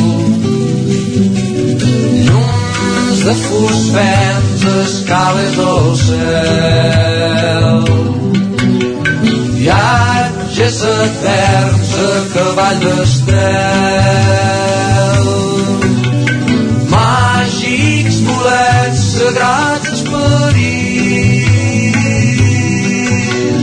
revelen secrets dels mons de les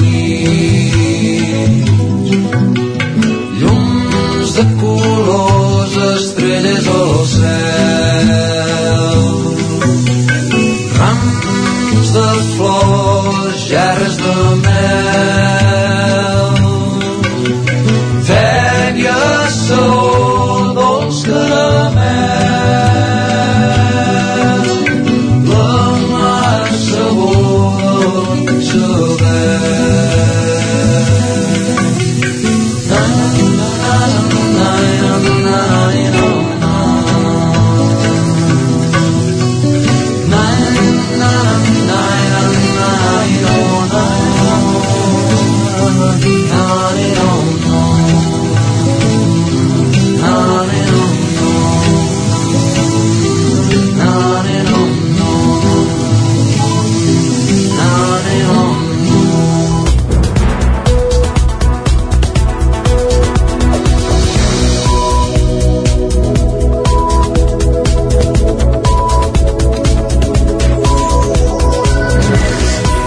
Dimarts 21 de juny de l'any 2022. Al territori 17 és moment de posar-nos al dia, d'actualitzar-nos amb les notícies més destacades de les nostres comarques, el Ripollès, el Vallès Oriental, el Moianès i Osona, i ho fem en companyia, en connexió amb les diferents redaccions del territori 17. Les de la veu de Sant Joan, Ràdio Cardedeu, Ona Codinenca, Ràdio Vic, el 9 FM i el 9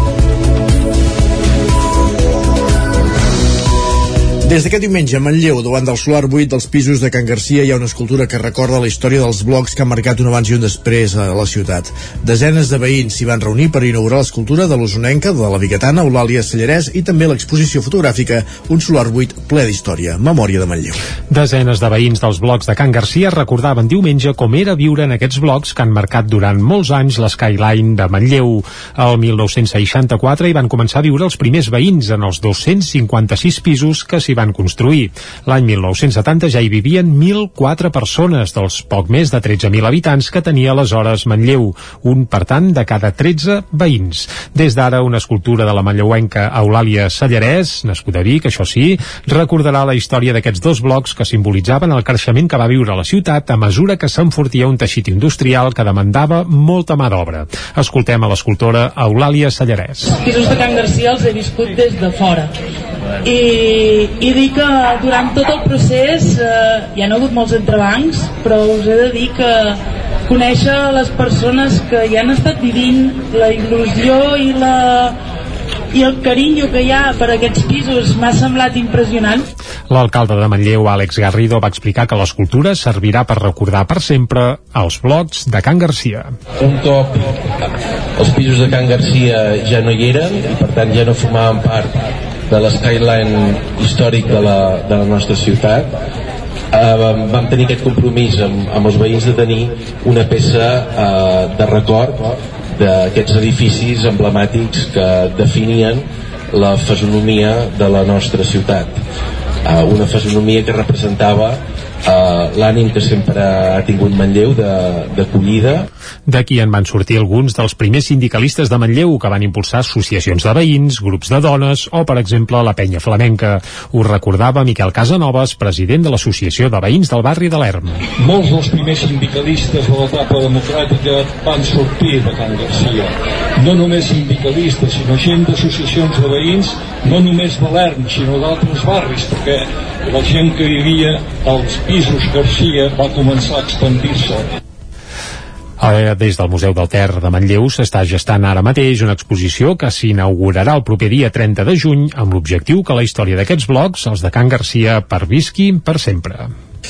Més qüestions anem cap al Ripollès perquè l'Ajuntament de Ripoll vol rehabilitar un total de 110 habitatges del barri vell gràcies als fons Next Generation. Isaac Muntades, la veu de Sant Joan. L'Ajuntament de Ripoll va declarar el barri vell i els diferents ravals del municipi com a entorn residencial de rehabilitació programada amb l'objectiu d'accedir als ajuts del Pla de Recuperació, Transformació i Resiliència dels fons europeus Next Generation per tal de poder actuar en un total de 110 habitatges per rehabilitar-los. Les bases fixaven un mínim de 50 habitatges per intervenir i en el cas de la capital del Ripollès, aquesta aquesta xifra és més que doblava. La regidora de Turisme i Comerç, Manoli Vega, va explicar per què s'havia optat per delimitar el barri vell i les zones pròximes i no d'altres. En el nostre cas, s'ha delimitat el barri vell i s'ha ampliat els sectors colindants dels Ravals, Raval de Barcelona, Raval de Sant Pere. Per definir l'àmbit s'han tingut en compte els diferents estudis realitzats i tot el treball de diagnosi sobre el barri vell, que és on es concentra la, la major problemàtica en habitatge, estat de les finques i habitatges en buits. Les rehabilitacions tenen com a objectiu aconseguir estalvis energètics energètics i en funció d'aquests estalvis es determinarà la subvenció, que pot anar des de 8.100 euros d'habitatge a 21.400. L'Ajuntament també vol que rehabiliti el tram de la muralla del carrer Vinyes, el carrer Elia Rogent, el passeig de la Farga Catalana, els trams que es facin malbé en les actuacions i que també s'aprofiti per eliminar el cablatge públic en les zones on s'actuï.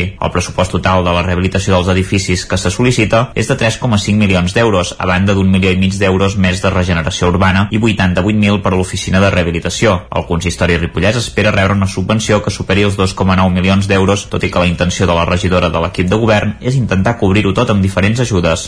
Una delegació del Fons Català de Cooperació visita Polònia i Ucraïna per conèixer sobre el terreny la tasca humanitària que s'està fent a la zona. La delegació l'encapçalava Isidre Pineda, president del Fons Català de Cooperació i alcalde de Caldes de Montbui, Gemma Permanyem, Ona Codinenca. Una delegació del Fons Català de Cooperació, encapçalada pel seu president i alcalde de Caldes de Montbui, Isidre Pineda, ha viatjat a Polònia i Ucraïna per fer el seguiment sobre el terreny dels projectes que l'entitat municipalista catalana ha finançat per acollir a les persones que fugen de la guerra. Són una desena de projectes amb una inversió d'uns 600.000 euros. A l'entorn de Lviv, a Ucraïna, el fons ha equipat centres on s'hi allotgen desplaçats interns. Ho explica Isidre Pineda. En un petit poble com aquest, d'uns 1.000 habitants, eh, poden arribar a haver-hi eh, un 10% de la població, un centenar de persones refugiades. Algunes d'elles s'allotgen en escoles reconvertides com a punt temporal d'acollida de refugiats. Eh, des del Fons Català de Cooperació, des del Municipalisme Solidari, hem ajudat a reconvertir aquests espais com a espais habitacionals per poder donar una, una acollida digna a les persones desplaçades a dins d'Ucraïna. En la seva missió sobre el terreny, els representants del fons han pogut visitar una escola bressol i una escola de primària que s'han convertit en espais d'acollida i que el fons ha equipat amb electrodomèstics. El primer curs escolar 22-23 en els centres de titularitat pública infantil 2, és a dir, el parvulari, serà gratuït per les famílies. Aquest fet afecta les dues escoles Bressol de Cardedeu, que tenen un aforament de 185 nens i nenes. Aquest any ha pujat la demanda de places fent eh, tant a infantil 1 com a infantil 2 i hores d'ara ja hi ha 16 infants que s'han quedat sense plaça. Núria Lázaro, Ràdio Televisió, Cardedeu. 16 infants de Cardedeu no comptaran amb una plaça a cap de les dues escoles bressol del municipi. El nombre d'infants sense plaça, però, es reduirà en aquests dies que encara s'està fent la matrícula. Tot i així, quedarà algun infant més fora respecte d'altres cursos. Ana Isabel Sevilla, mare afectada. Solució cap ni una. Ens ha trucat l'Ajuntament, que s'ho agraïm.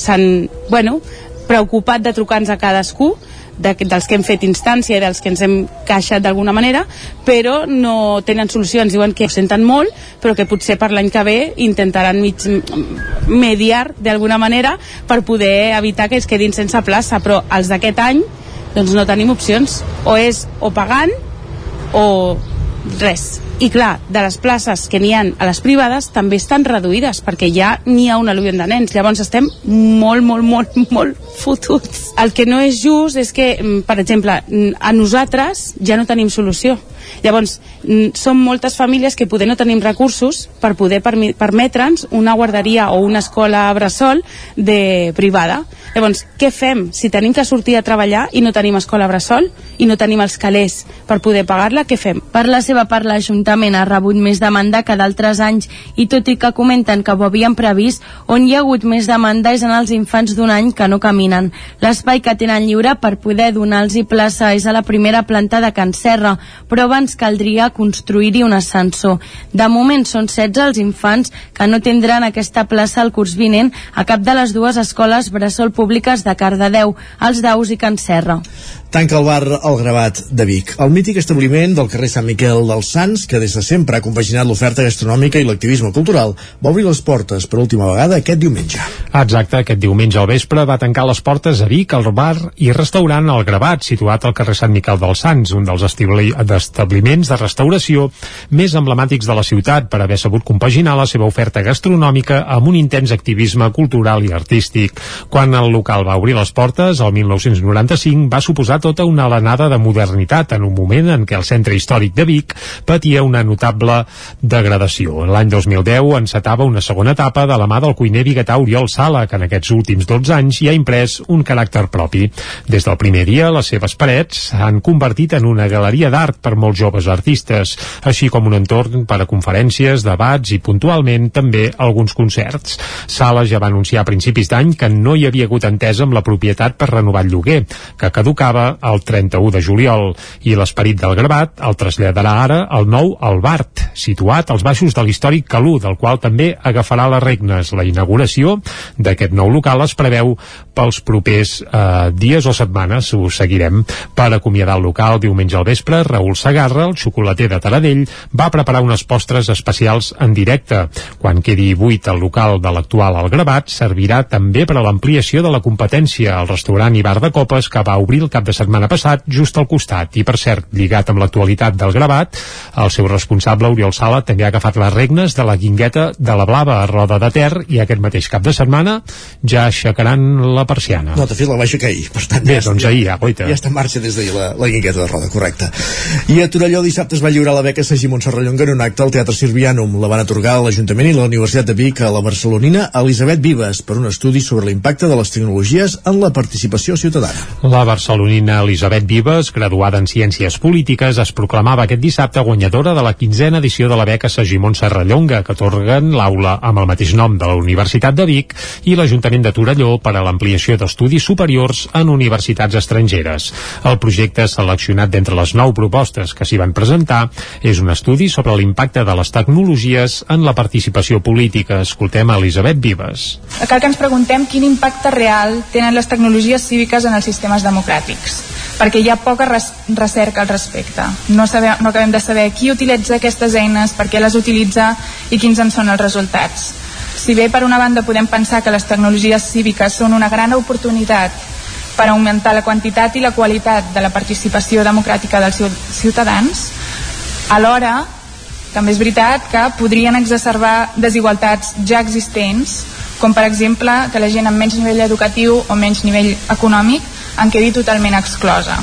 La beca permetrà a Vives desenvolupar el seu doctorat a la Universitat d'Edimburg. Durant l'acte, des de l'Ajuntament de Torelló, van destacar la importància d'aquesta beca. Escoltem el seu alcalde, Marçal Ortuño. Com a Ajuntament, tenim el deure de reivindicar la memòria d'aquest fill predilecte de Torelló.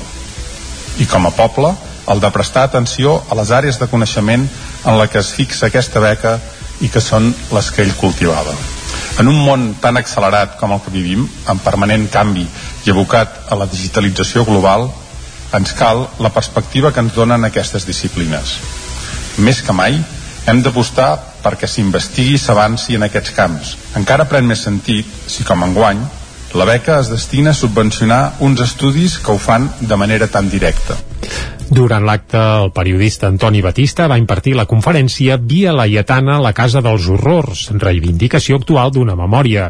Batista va recordar les tortures que van rebre diversos activistes a la comissaria situada en aquest carrer barceloní per part de la policia estatal franquista.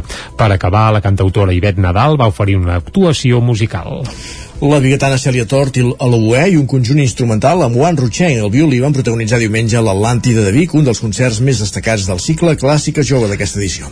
Exacte, el concert amb el títol El ressò de Bach invitava a fer una reflexió sobre com podem fer-nos nostra la música del, compositor, del compositor Johann Sebastian Bach, evidentment pensada per un altre temps. El cicle de Clàssica Jove continuarà encara fins ben entrat al juliol, aquí Vic, i per avui dimarts, a les 8 del vespre, hi ha prevista l'estrena d'un musical sobre la novel·la El Gran Gatsby, del jove músic de l'Esquirol, Artur Pàmies. Aquesta obra està ambientada en l'Amèrica dels anys 20, enmig de l'eufòria posterior a la Primera Guerra Mundial i a la llei seca. Aquesta estrena forma part del Festival Talent, amb el qual el Taller de Músics de Barcelona obre al públic les produccions dels seus alumnes. El concert, a més, que començarà, recordem-ho, eh, a les 8 del vespre avui a l'Atlàntida de Vic, s'enregistrarà i se n'editarà un disc. Acabem aquí aquest repàs informatiu que començàvem a les 10 en companyia de Jordi Sunyer, Caral Campàs, Gemma Permanyer, Isaac Montades i Núria Lázaro. Moment de conèixer la previsió del temps. Casa Terradellos us ofereix el temps. Una previsió que sempre ens arriba de la mà d'en Pep Acosta, que ja ens ha recordat que avui entrem a l'estiu eh, astronòmic, el meteorològic, ja fa dies que ja estem capbussats, eh? Bon dia, Pep. Pep, Pep. Hola, Salut i bon, molt dia. bon dia. Bon dia, bon dia. Uh, L'última nit de primavera serà una nit uh, bastant suau, sí. han pujat una mica les temperatures, ha bufat una mica de vents de sud, hi ha més humitat, no ha estat tan de mal dormir com les, les, les de la setmana passada, però sí que s'ha notat aquest increment de temperatura, mínimes de més de 20 graus cap al peritoral, entre 15 i 20 a la majoria de les poblacions cap a l'interior.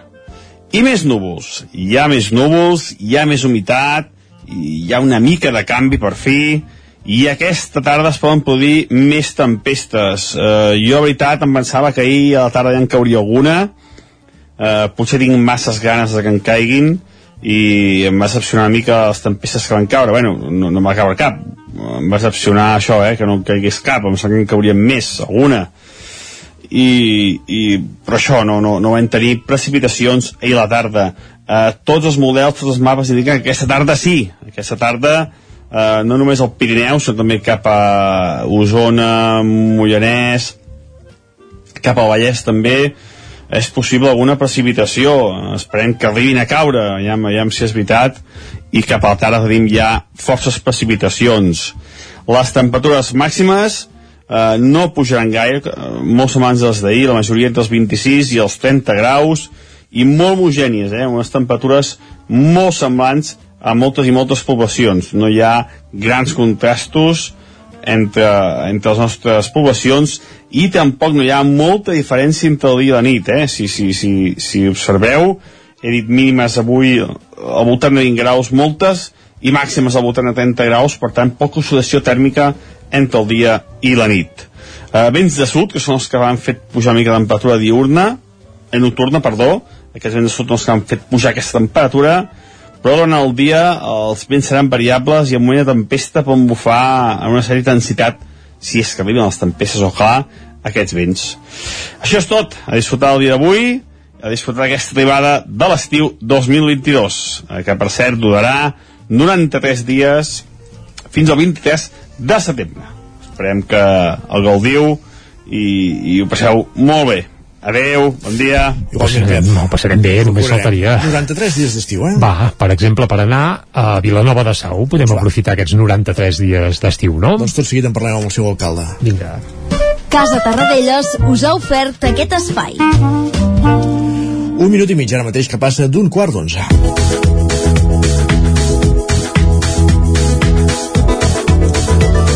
Entre el 24 de juny, divendres, i l'11 de setembre es regularan els accessos a la Vall de Sau dins l'espai natural de les Guilleries Sabassona amb l'establiment per segon any consecutiu d'un sistema de reserva prèvia a l'aparcament de l'àrea de l'esplai del Pantà de Sau per a vehicles motoritzats, entre d'altres mesures.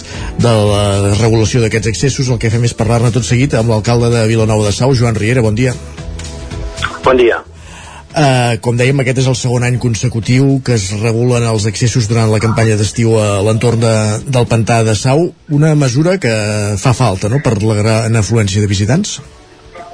Sí, bueno, és una mesura que ens hem vist obligat a fer-la, que a mi fa dos anys em dius que eh, hauríem de fer una regulació i totes aquestes històries gicotaxes i et dic que, que no, i pues, tota aquesta pandèmia ens ha portat tot això, pues, ens ha descobert una sèrie de públic que ens ha portat una sèrie de trastorns eh, en quant al nostre funcionament i això és el que hem hagut de fer doncs, per, per regular-ho. Uh -huh. Ara, com dèiem, es torna a activar la regulació a partir de divendres, a partir del 24 de juny. Durant l'hivern no hi ha hagut la mateixa problemàtica, no hi ha tanta massificació, per entendre'ns, de, de visitants?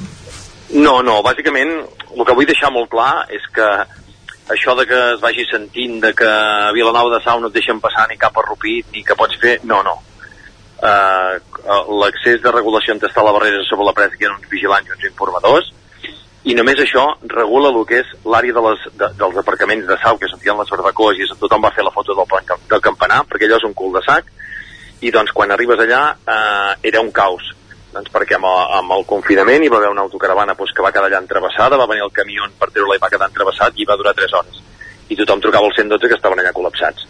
Doncs és només per aquesta àrea. Allà hi ha 80 places d'aparcament i quan aquestes 80 places d'aparcament es diu que la gent no pot accedir allà vale? i sí. que té que donar volta, per això s'ha fet amb cita prèvia i per reserva, però si qualsevol persona va a Rupit i diu que va a Rupit doncs podrà travessar cap a Rupit. Vull dir que eh, no, no és que es prohibeixi passar. La regulació és per això, per regular sempre i quan a l'estiu a Rupit no ens comuniquin que tenen el municipi ple també i que no deixem accedir a ningú, llavors sí que no s'hi podrà passar. Però si no sí que es pot accedir amunt i avall. Vull dir que aquesta funció només és per fer uh, aquest cul de sac que tenim aquí uh -huh. uh, com bé comentaves ara uh, per accedir-hi o per tenir reservar plaça al pàrquing s'ha de fer mitjançant cita prèvia qui no tingui cita prèvia no pot accedir a l'aparcament? Sí, si hi ha, si hi ha places lliures eh, des d'allà hi ha els informadors i, i d'allò es pot descarregar i fer el pagament pues, eh, eh, en viso molt que sigui i llavors pot treure's el tiquet des d'allà i accedir-hi vull dir que eh, pot funcionar sempre quan hi hagin places lliures uh -huh. Vull dir que com, pot fer al mateix in situ com bé deies, són unes 80 places lliure, eh, lliures eh, disponibles, habilitades que hi ha en aquesta zona l'accés a passar de la presa, passar de l'hostal de la Riba, Arriba. que arribes sí. fins al final de la carretera per entendre'ns que és on vas a passar del Club Nàutic i, i és on s'accedeix a, a l'església. I és just en aquest punt on hi ha aquest aparcament habilitat que al moment que està ple no s'hi deixa accedir més. De totes maneres, clar, per, per arribar a la presa ja has fet tota la carretera de, de Vilanova i hi ha alguna manera d'avisar abans d'arribar en aquest punt o com, com funciona tot plegat? Bueno, nosaltres el que fem és fer, bueno, a, a través de la cita hi és, bueno, de, de la cita prèvia pots veure el que et queda i si no és per això s'ha habilitat a la zona de l'aparcament perquè es pugui fer el gir de la presa. Vull dir que es va estudiar i s'ha estudiat amb els diferents eh, cossos de seguretat com els d'esquadra, gent rurals, doncs de la millor funció. I per això el millor espai és allà, doncs perquè pots parar el trànsit, poden estar aparcats, no estan al mig de la carretera, i, i llavors en cas que estigui ple pots donar la volta i, i amunt. I en aquest espai què s'hi fa? Hi ha zona habilitada per fer pícnics, es, es pot visitar el pantà, diguéssim, mm, la zona d'embarcadors és el Club Nàutic, és abans, per entendre'ns, no? Diguéssim, la gent sí, que però... va fer turisme, per, o va fer activitat amb, de lleure, per entendre'ns. Sí, Sí, perquè allà hi ha l'equipament, que hi ha un petit bar que el gestionen des de Tacosona, uh mhm. -huh. i, i, i doncs allà és un dels punts doncs, que tothom va fer la foto i també hi ha eh, una empresa que es dedica a fer caiacs vull dir que també té la sortida des d'allà vull dir, és més que tot per endreçar i tenir-ho controlat perquè si no ens havíem trobat que la zona de la riba doncs, també l'havíem tingut plena quan eh, amb la pandèmia havíem posat un vigilant allà doncs, la gent ens aparcava des de la cartera asfaltada fins a dalt de la riba llavors també ens vam trobar un dia que només teníem un únic sentit perquè estava tot ple de cotxes. Vull dir que en cas d'emergència que hi hagi una emergència al cronòtic doncs ens hem vist obligats a fer tot, tot això. Vull dir que i en quant a nivell dels veïns doncs s'ha parlat amb els veïns i els veïns tenen l'accés a través d'un comandament i si ve algú doncs també no hi ha cap mena de problema ni ningú té que pagar i tothom pot fer la vida. És un engorro més pels que estem en el territori però és una mesura que s'ha hagut d'aplicar doncs, pel funcionament i pel, pel benestar de la gent que vingui i l'organització i no deixar-ho col·lapsat. L'any passat va haver-hi la primera experiència i esteu contents de com va funcionar?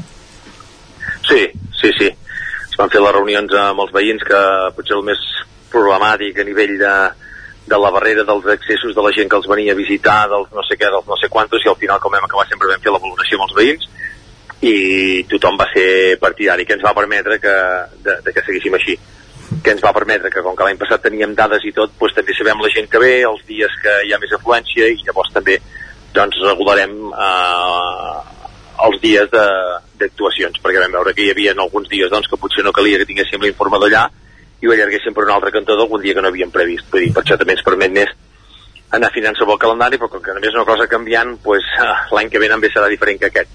Vull dir que ho hem d'anar-ho adequant sobre la marxa. Uh, el període de, de, de restriccions o de regulació d'accessos és del 24 de juny a l'11 de setembre. Es preveuen altres períodes de l'any, per exemple Setmana Santa, o no hi ha tanta sí, necessitat? Setmana, Sant, Setmana Santa ja es va fer com a prova pilot, que és els dies que tenim més afluència. I aquest any, com a novetat que hi haurà, que també hi havia molts problemes, molts problemes és a la carretera que va des de les cases de Colana fins al Parador de Sau, que aquesta sí que quedarà tancada, vale? perquè amb el tema dels agents rurals i Mossos d'Esquadra eh, és una zona que teníem molt, molt conflictiva amb els furtius i allà es podrà accedir en bicicleta o caminant però en vehicle no es podrà accedir perquè hi haurà una barrera tancada.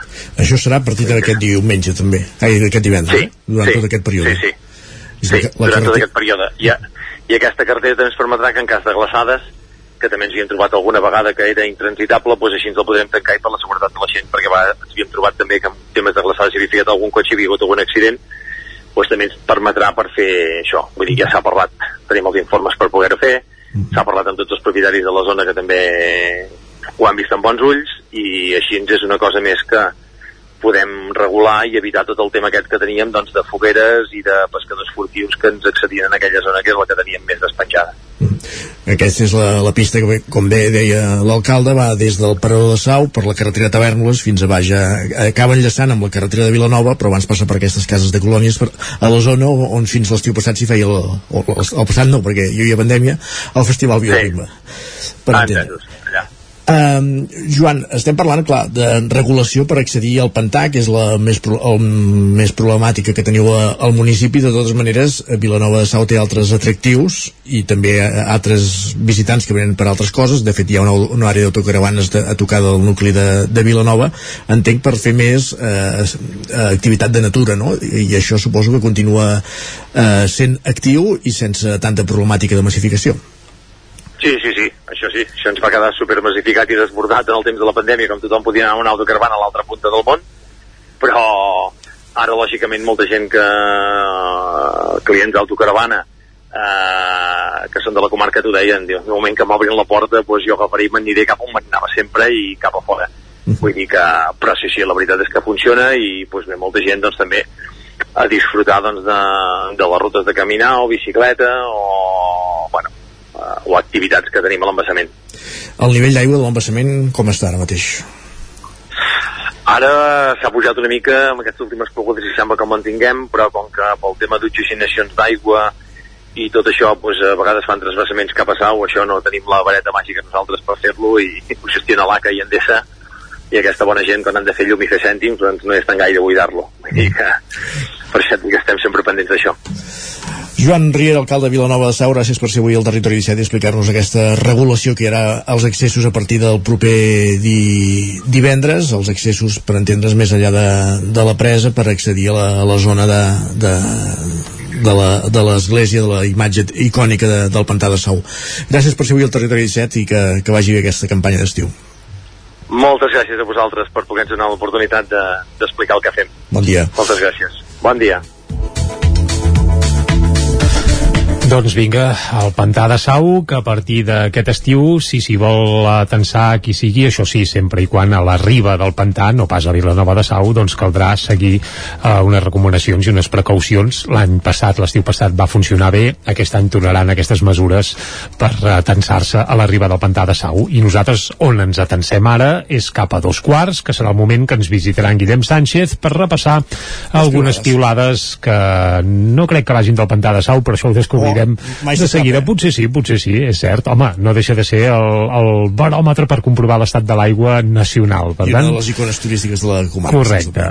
Ara una pausa de 3 minuts i tornem a dos quarts en punt.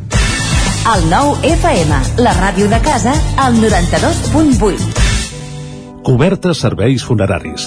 Els nostres tanatoris estan ubicats en els nuclis urbans més poblats de la comarca d'Osona per oferir un millor servei. Tanatori de Vic, Tanatori de Manlleu, Tanatori de Centelles i Tanatori de Roda de Ter. Sabem que són moments difícils i per això el nostre compromís és atendre-us en tot moment amb un tracte humà, sensible i respectuós. Cobertes serveis funeraris.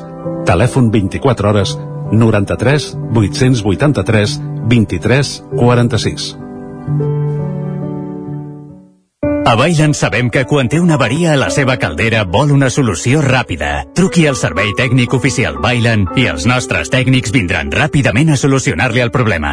A més, si canvieu ara la caldera, us regalem fins a 300 euros. Truqueu al 910 77 88 77 o entreu a bailen.es. Si tens pensat canviar la caldera o posar aire condicionat, posa't en mans a Pradell. Tenen les millors ofertes. Pradell instal·la calderes de biomassa, calderes de condensació, aire condicionat tant per a particulars com per a empreses.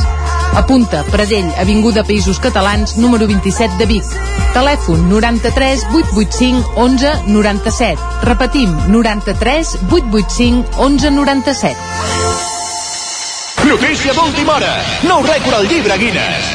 Els alumnes d'Autoescola Rosanes s'han tret la teòrica en un temps rècord. Teòric Express a Rosanes. Mètode exclusiu, ràpid, eficaç i únic. Saps quan comences i quan aproves. Teòric Express és un sistema exclusiu d'Autoescola Rosanes. Sigues llest, et trauràs la teòrica en una setmana. Autoescola Rosanes, carrer Manlleu de Vic i Enric de l'Aris de Manlleu. Més info a autoescolarosanes.com Nova promoció de Teòric Express. Aquest estiu, Autoescola Rosanes. Autoscola Rosanes us desitja una bona rebella de Sant Joan. Aquest és un missatge per a inconformistes. Vols una cuina que segueixi les darreres tendències? No, vull una cuina per mi. La tenim. Diferent perquè és per vostè. Funcional, eficient, molt atractiva, innovadora. Fem el projecte Integral. A més, aquest 2022 celebrem el nostre 175è aniversari convidant-los a un sopar d'estrella Michelin a la Costa Brava. Informi-se'n a la nostra botiga de la carretera nacional 2 de Sils o a botinyà.com. Mobles Botinyà us desitja una bona rebella de Sant Joan. Cocodril Club. Si t'agrada la bona música dels anys 60, 70 i 80, escolta el 9 FM als matins de dissabtes i diumenges d'11 a 1. És el temps del Cocodril Club, tot un clàssic de la ràdio, amb les bases del pop-rock, les llegendes, les cançons que s'han convertit en autèntics himnes. Recorda, dissabtes i diumenges al matí, d'11 a 1, al 9 FM 92.8. Cocodril Club, el programa revival de l'Albert Malla. Hasta luego, cocodrilo. En punt dos quarts d'onze al territori 17.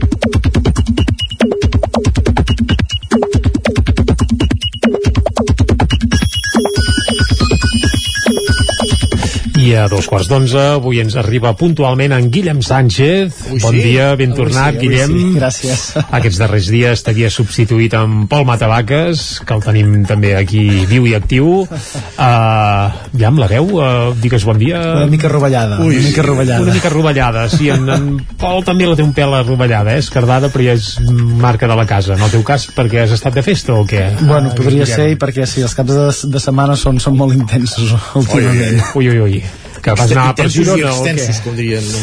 No, a Girona no, no, hi, vam, no hi vam trepitjar pas. Val, és que sabem de les teves passions eh, futbolístiques i pensàvem que no haguessis anat a celebrar l'ascens, eh? No, no, no, no m'hi vam veure per allà, no.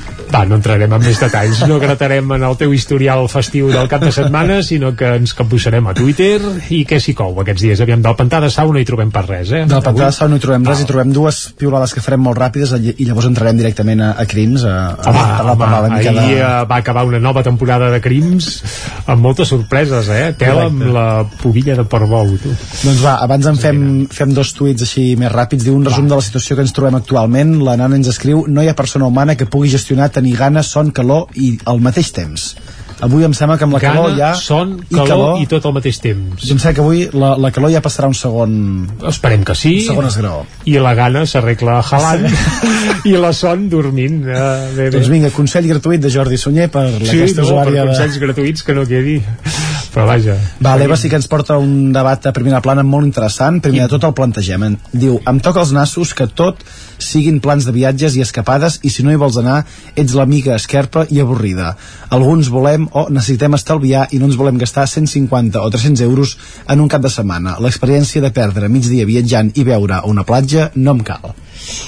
Doncs ja està, que es quedi a casa. Eh, També està bé jeure amb el ventilador davant de És un casa. bon plan, també, vuitanta també, euros, és un bon plan. I econòmic, com diu ella. I, exacte, molt més econòmic i pots fer en pràctica el que dèiem al primer piulet, pots dormir tranquil·lament uh, Pots i menjar. pots menjar si tens gana i a més uh, Al ventilador passes la calor. home, només faltaria i a més t'estalvies la calorada d'un viatge fins a la platja amb un sol que pot escardar el cap Bé, bé, escolta, doncs, solucions fàcils, solucions fàcils. Doncs va, les xarxes també van plenes avui de l'últim capítol d'ahir de Crims, com deien, que va resoldre el misteri de qui era aquesta noia de, de Portbou. Bé, resoldre el misteri de qui era la noia, sí. Ara, de passar? com va morir encara va quedar a l'aire, eh? però van deixar tants fils oberts que jo penso que aquells eh, nois austríacs que estaven a 50 S'ha de- metres s'ha de gratar una mica, de la ja. noia aquí cal gratar més, Sí, eh? la resposta dels nois no ajuda, eh? No, no ajuda gaire. De dir, acabo aquí la meva comunicació. Sí, eren una mica esquerps, eh, bàsicament un, eh, en Peter, crec que es deia el que eh, van aconseguir comunicar amb ell, però si graten una mica, avui dia, I mira, la- tres o quatre més segur qui, qui poden connectar també, eh? I el tema del final, no? que serà la justícia italiana qui investigui ara. Sí, tot i que va quedar bastant clar que els carrabiners s'assemblen bastant a la Guàrdia Civil espanyola, però per ja- tant, però tenen no molta sé feina quines esperances... Tenen molta feina feta ara, eh? Per tant, per aquí també hi entrem. Per exemple, la Legends ho resumeix de la següent manera, ens escriu dues coses segueixen sent claríssimes, la qualitat bestial de crims i diu la incompetència més absoluta de la Guàrdia Civil, un producte d'entreteniment fent la feina de la policia espanyola. I la Diana hi posa cullerada dient a crims aprenem que els carabinieris són tan atontats com la Guàrdia Civil. Home, atontats tampoc caldria posar-hi... l'adjectiu, però- Eh, L'adjectiu, bé, diguem-ne ganduls, ja di directament, no? O poc espavilats. O tu, aquest no sabem què d'allò, qui passa any empeny i tiren pel dret. En Sergi, però, es va quedar amb ganes de la següent intervenció. Eh, intervenció diu, sisplau, crims, volem veure un cara a cara entre el Guàrdia Civil i el forense.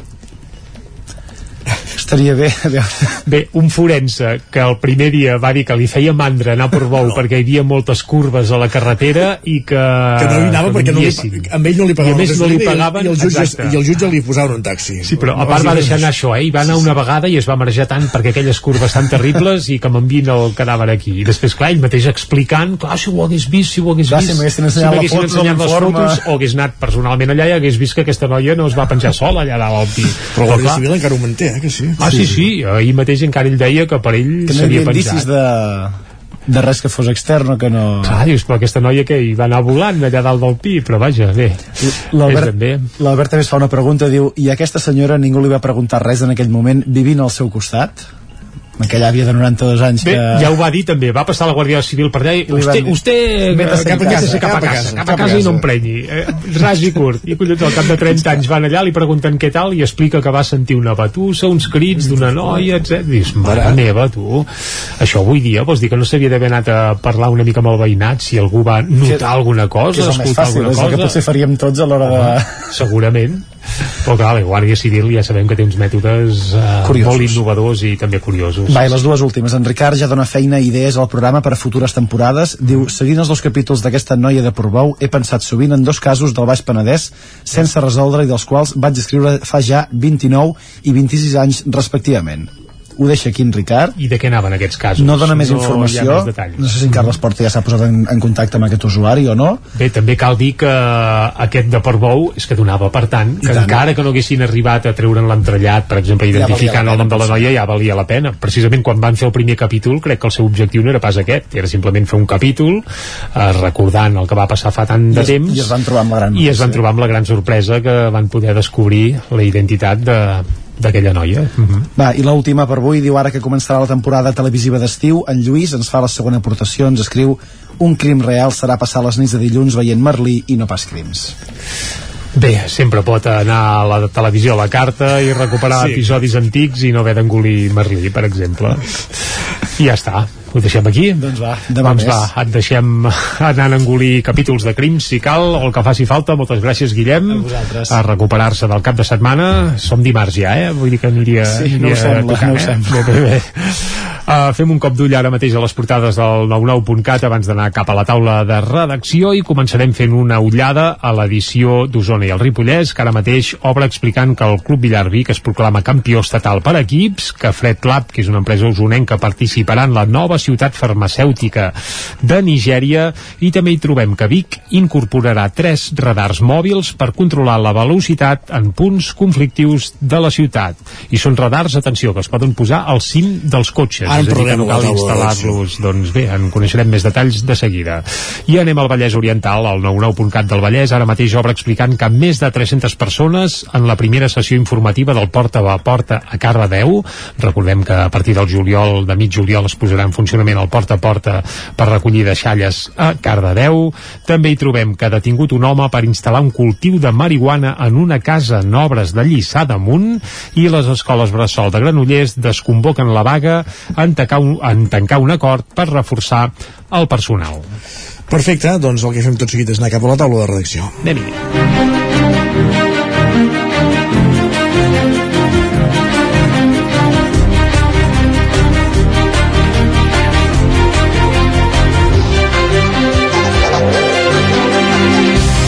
Taula de redacció, avui en companyia de Guillem Freixa i Isaac Muntades. Guillem, bon dia. Hola, molt bon dia. Per aprofundir en aquest titular que donava mare del 99.cat, precisament d'aquest multacar, que és com han batejat aquest sistema de, de posar multes que utilitza ara com a novetat la Guàrdia Urbana de Vic, que és que ja no, no és la gent anant pel carrer i mirant si els cotxes fan o no fan, o captant infraccions, sinó que és un cotxe que porta una càmera incorporada i va captant el que passa al trànsit i si hi ha infraccions quan arriba a una comissaria Sí. fa, tramita la multa, eh? Ah, exacte, és, és diguem-ne un de les inversions més destacades d'aquest paquet eh, que ha incorporat eh, la Guàrdia Urbana de Vic des de la regidoria de, de Seguretat. Es tracta d'una partida d'inversió de 390.000 euros en diversos àmbits vinculats a la seguretat ciutadana i com bé dius, el que crida més l'atenció és aquest aparell eh, anomenat com a Multacar, és un aparell que ja funciona en altres ciutats eh, catalanes, també de l'estat espanyol i el que ve a ser és eh, un aparell que es col·loca sobre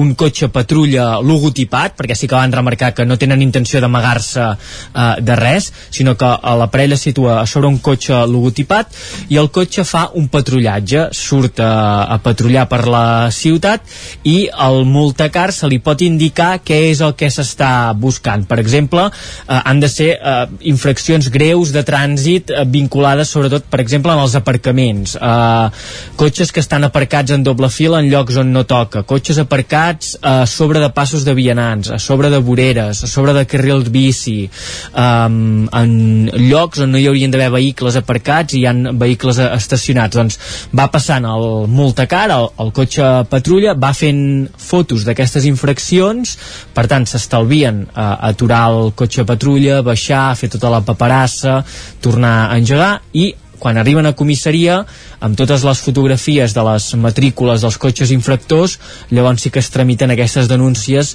i es fan arribar a les persones que han, que han comès aquestes errades a, a nivell de, de circulació viària o del, del trànsit uh -huh. um, això ens van dir que fa un parell de mesos que està funcionant i que l'objectiu és uh, destinar recursos humans en llocs on, on fan més falta ens deien que uh, els agents són un recurs uh, preuat i escàs i que aquesta tasca d'anar pels carrers i quan detectaven una infracció ens haver de baixar del cotxe eh, fer tota la paperassa esperar normalment que arribés potser l'infractor doncs que eh, treia molt temps i que el restava de poder fer altres feines on sí que el tracte humà on sí que la presència eh, física i personal d'un agent sí que és imprescindible com anar a fer eh, tasques de seguretat ciutadana o altres eh, tipus d'accions eh, diem això, eh, el Multacar ja volta per la ciutat de Vic, per tant, eh, vigileu eh, quan aparqueu d'aparcar en llocs correctes. És el que anava a dir, si tu fas les coses bé, no has de, tem mm. no has de tema. Eh, exacte, ens deien, per exemple, això, eh, com això. En, en zones blaves, eh, gent que en comptes d'aparcar a la zona blava feien la trampa de deixar el cotxe estacionat en la illeta que hi ha abans dels passos de vianants, on hi ha com un triangle per, sí. per donar més visió en els vehicles, doncs que deixaven el cotxe allà, que això és una infracció greu, i per tant això també es, es multarà. I dins aquest paquet d'inversions de 390.000 euros hi ha altres eh, aparells, altra renovació de, de, de tecnologia, també de, de programari. Eh, per exemple, s'han incorporat tres radars mòbils per controlar la velocitat en punts conflictius de la ciutat de Vic. Eh, s'han detectat diversos punts on els vehicles hi corren massa, ara ja Vic, Vic ja té un, un radar eh, actualment mòbil, eh, l'utilitzen en diversos punts de la ciutat i s'ha detectat que, per exemple, el, el tram entre la comissaria dels Mossos d'Esquadra i la Guàrdia Urbana, on hi ha un pas de vianants, hi ha hagut diversos atropellaments, és un lloc on els vehicles corren molt, allà és un dels uh, punts on segurament uh, s'hi veurà sovint un d'aquests radars mòbils. L'altre també ens deien l'Avinguda Països Catalans a l'altura del pont del Blanqueig i per últim també al carrer Torelló, una zona amb dos carrils per banda de, de circulació i on també els cotxes doncs agafen força velocitat. Que ens deien que Vic té unes eh, dades d'accidentalitat en el nucli urbà força elevades comparades amb altres ciutats de la dimensió de la capital d'Osona i que a més a més es troben amb la situació que ha, no és que hi hagi uns punts negres on es concentren molt acci molts accidents, sinó que són molt dispersos, però sí que en aquests punts que ara hem repassat, la velocitat dels vehicles fa que si hi hagués un accident en aquests punts, realment seria molt greu, perquè els cotxes eh, sí que s'ha detectat que hi passen a una velocitat elevada. Per tant, aquests tres radars mòbils que també s'incorporaran a la ciutat de Vic i d'altra banda també es renovarà eh, el, les càmeres de vigilància d'entrada al centre històric. Recordem sí. que al centre històric ara només hi poden entrar eh, els veïns o vehicles autoritzats a través de la matrícula. Doncs es renovarà totes les eh, càmeres. També es, es, es col·locarà un gàlib eh, per limitar en alçada l'accés de vehicles, sobretot vehicles pesants que accedien al nucli històric i fins i tot s'havien emportat algun tros de cornisa de, de terrat i, i balconada. Eh, i també es renovarà el, el software, el programari que eh, diguem organitza i regula totes les imatges que es van eh, captant. Com dèiem, eh, diverses inversions en aquest àmbit de la seguretat eh, ciutadana, ciutadana per millorar l'atenció i millorar aquesta seguretat a la capital d'Osona amb el titular d'aquest multacar, que és aquest aparell a sobre del cotxe patrulla de la Guàrdia Urbana, que va escombrant a mesura que va patrullant per la ciutat. Doncs en compte. Gràcies, Guillem. Adéu, bon dia. Continuem en aquesta taula de redacció i com dèiem en companyia de, de l'Isaac Muntades, una petita polèmica entre els grups municipals de l'Ajuntament de Sant Joan. Isaac, bon dia. Bon dia. Sí, es tracta bàsicament bé, és una cosa que ja és molt reiterada, el tema de, de tot el que envolta el porta a porta sempre ha generat polèmica perquè es podria eh, fer millor i hauria d'haver una taxa de reciclatge més alta que Sant Joan doncs s'acosta més o menys al 70% darrerament però com sabeu hi ha pobles doncs, que tenen el mateix sistema que exacte, o sí, o fins i tot el 90 eh? vull dir que, que realment hi ha això i ara eh, bàsicament aquesta petita polèmica ve per al tema del sistema de pagament de generació de, de residus que es va implantar doncs, eh, això no fa pas gaire eh? fa eh, poc més d'un any eh, concretament durant el febrer de, de l'any 2021 i que s'ha ajornat s'ha ajornat el, el passat mes de maig i arran d'això Esquerra Republicana sí que ha comentat doncs, que eh, clarament és un sistema que es va posar, que a ells els agradava eh, evidentment, eh, però que es va posar en marxa amb presses i de forma erràtica segons deien i que s'hauria doncs, d'haver informat molt millor la població creuen que l'errada va ser aquesta no? Que, no, que en el seu moment no es va eh, informar massa bé a la població de com anava, la gent no sabia ben bé eh, com anava, a més a més eh, consideren que s'hi va invertir molts diners, eh, pràcticament em sembla que eren uns 210.000 euros entre els que s'hi van invertir inici inicialment en un primer moment i, i més endavant. I que, i que bé, que a més a més eh, l'Ajuntament havia pujat la taxa d'escombraris un 3% i aquesta pujada doncs, no es veia reflectida en un millor servei si no es podia aplicar doncs, aquest uh, sistema de pagament uh, per generació. Doncs, uh, s'ha ajornat sense data, no sabem si es reprendrà aviat o no, segurament ara s'han d'acabar d'ajustar algunes coses per veure si, si funciona. I, i bé, alguna de les coses que deia el portaveu republicà Sergi Albric és que aquest uh, nou sistema eh, encara no havia aconseguit resoldre eh, la millor gestió de les àrees d'aportació, també de les segones residències, o, o també de disposar d'una millora dels cubells eh, per tots els habitatges eh, i també per famílies monoparentals, no? que evidentment doncs, no cal que tots els cubells siguin igual de grans si hi ha menys gent en, en un habitatge, poden mm. ser més petits tranquil·lament, es podia adaptar. I res, que bàsicament afirmaven això, que es calendaritzi, que es planifiqui, que, que es posi doncs, una sèrie de, de, de dates per ser exactament quan, quan s'implanta perquè realment sobretot destaquen això, no? els diners que en principi creuen que, Eh, segons comenta Esquerra això que, que s'han malgastat per no, per no tenir-ho clar des, de, des del principi Perfecte, doncs mira, els dies que estem anunciant que Cardedeu adoptarà el sistema Exacte, porta a porta sí. a partir del dia 15, doncs també està bé explicar de les problemàtiques o els, o els debats que comporta aquest sistema de recollida de deixalles, de deixalles que de seguida és això, de seguida arribes a, a, a xifres Sí, sí. del 70-80% de, de reciclatge però que sempre es poden millorar. Exacte. Gràcies Isaac, bon dia. A vosaltres, bon dia. Avancem al territori 17 i de la taula de redacció. Passem a aquest espai que dediquem cada dimarts a aspectes de, de natura, de medi ambient, però també de música.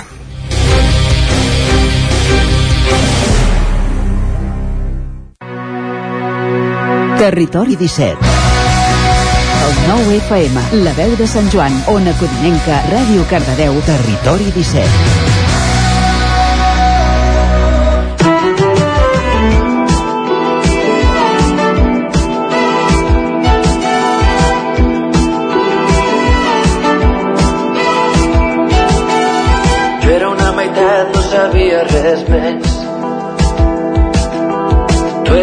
prop de l'idioma i del vers. T'intuï calor en un punt exterior. Sentim la veu de Xavi de la Iglesia, el cantant de Blaumut, una formació que aquest eh, 2022 Jordi arriben amb un disc nou sota el braç. Correcte, celebren, atenció, 10 anys ja de Blaumut, aquell grup que segurament molts teniu present per aquell bicicletes, aquell pa i sal, doncs d'això ja en fa 10 anys.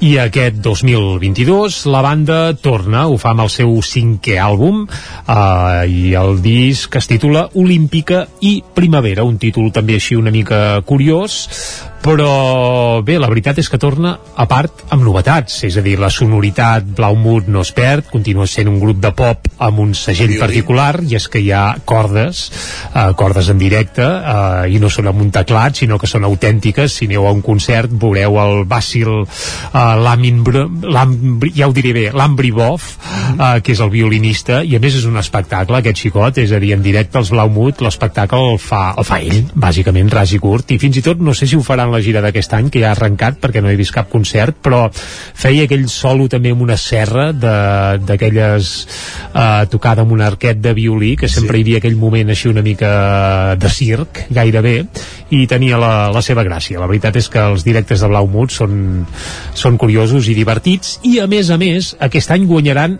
en potència. Per què? Doncs perquè ha canviat la base rítmica de Blaumut. A qui han fitxat els Blaumut? De bateria? Un usonenc. Un usonenc, correcte. Doncs el nou bateria de Blaumut, que ja es va incorporar quan van començar els enregistraments i les feines de gravació d'aquest darrer disc, per tant, aquest darrer disc ja sona amb la bateria del Toni Pagès. Qui és en Toni Pagès? Doctor, doncs, home, no. un mític bateria usonenc de Centelles, que per cert està casat i emmainadat amb l'Helena Gadel, aquesta jurat eufòrica, etc etc. Per tant, eh, diguem que l'home és, és mediàtic i tot, però s'ha incorporat a això, amb aquesta formació, amb aquests Blaumut, i si et sembla, abans de continuar xerrant, escoltem un fragment més d'aquest Ficció, que és la primera peça que es va donar a conèixer d'Olímpica i Primavera, es va avançar just abans de Nadal, allò que es fa sempre ja, eh, per anar escalfant motors, i la veritat és que aquesta peça ja denotava que la banda guanya amb un pèl d'èpica i també això, el, com dèiem, amb una mica de potència, amb una base rítmica doncs força més potent del que és eh, o del que era habitual. Escoltem un fragment més i expliquem més coses, va. Creus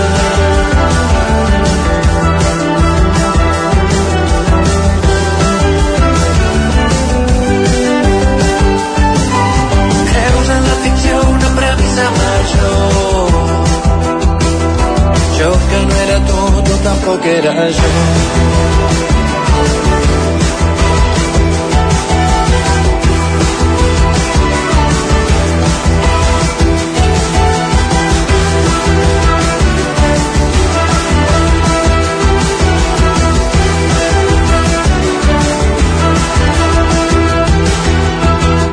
Així sona aquesta cançó, com dèiem, d'aquest darrer disc de Blaumut, que estem repassant avui al Territori 17, però hi ha, n'hi ha més de cançons Sí, n'hi ha, n'hi ha moltes més, n'hi ha moltes més. Ara escoltarem el Cabull, que va ser precisament el segon també single d'aquest disc. També se'n va fer un fantàstic videoclip. I bé, com escoltàvem a la traca final de ficció, un dels segells de Blaumut és que, clar, per exemple, acabava amb un fragment instrumental i dius, clar, i ara què ve aquí? El solo de guitarra, ve un teclat fent no sé què? Doncs no, no, ve un dibuix de cordes amb violins i violons Cels, que és això, la marca de la casa dels Blaumut. Una marca de la casa que, per cert, en aquest darrer disc, eh, Olímpica i Primavera, s'ha accentuat, perquè per primera vegada dius, home, aquesta gent que tenen aquesta mica de deix així de música clàssica han versionat mai una peça de clàssica o han introduït mai un fragment així de clàssic amb alguna peça, etc etc. doncs no, fins ara no ho havien fet, però amb aquest Olímpica i Primavera sí que hi ha alguna sorpresa en aquest sentit. Escoltem un fragment del Cabull i pareu bé l'orella, va. A la B, a la B, a la badat. Tinc els impulsos ben controlats. Una frase costronxa la veritat, però després faig el que vull.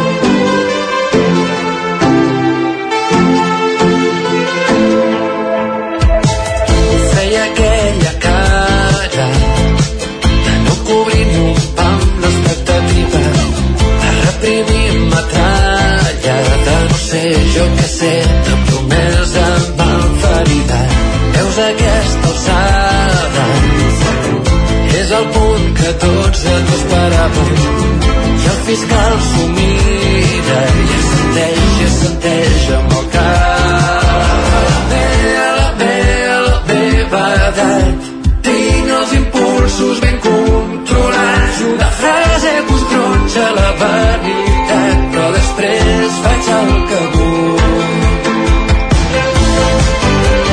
que vull de Blaumut. Exacte, a la meva edat faig el que vull, ja ho diu l'Àlex de la Iglesia, una cançó que bé, totes tenen bastant Xavi, aquest... Xavi, Xavi de l'Iglésia. l'Àlex Xavi, perdó, és- exacte, sí, és el cineasta i no és el seu germà, eh? Ara aquí sense n'ha anat la, uh, la batarola. Bé, el, la conclusió que volíem anar a parar eh, és cançons molt generacionals que retraten una mica la vida d'aquesta generació de músics que ja passen de llarg de la quarantena i que una mica, volguem dir, ara ja ja estic curat d'espans de tot, ja no tinc prejudicis de res i li vaig fotent perquè m'ho continuo passant bé, no? Una mica el que es pot eh, arribar a treure de d'això, de gratar una mica amb les cançons, molts dels Blaumut són pares, tenen altres obligacions a part de les musicals, però continuen això, tenint aquesta passió per eh, això, per la carretera i ara mateix per això repassarem la carretera, és a dir, concerts Blaumut, la seva gira d'aquest nou disc va arrencar a les Trenes de Girona, un festival que s'ha consolidat aquests darrers anys i on molts grups hi estrenen ja les seves propostes. Abans es feia el Mercat de Música Viva de Vic, ara molts eh, aprofiten les trenes per estrenar discos, ho van fer els Blaumut, eh, però citàvem el Mercat de Música Viva de Vic, oi? Doncs eh, ja avancem que els Blaumut també seran al Mercat de Música Viva de Vic, concretament serà el dia 16 de setembre i tocaran a la plaça Major, per tant serà un concert d'aquells eh, multitudinaris on podrem escoltar el més nou de Blaumut doncs gratis a la plaça Major i bé, cal dir que sonen bé en espais grans perquè això, la banda ha guanyat presència i contundència. I eh, atenció, si ens assenyim al territori 17 també seran a Ripoll i seran al Festival Inspira, que fa uns dies sí. l'Isaac Muntades ja ens n'avançava una mica el cartell. A l'Inspira de Ripoll es fa el mes d'octubre i concretament el dia 8 d'octubre doncs a l'Inspira de Ripoll qui aterrarà seran els Blaumut. Eh, durant l'estiu també estaran a d'altres indrets, eh, a Calonja a Lloret, eh, també passaran pel País Valencià, per la Cerdanya però bé, nosaltres ens quedem amb les cites més nostrades, en aquest cas al Mercat de Música Viva de Vic, a la plaça Major el dia 16 i l'Inspira de Ripoll el 8 d'octubre. I, i, ara cançons com aquesta? va, escoltem una altra. Vinga, va bé, per les ferides. Marc Això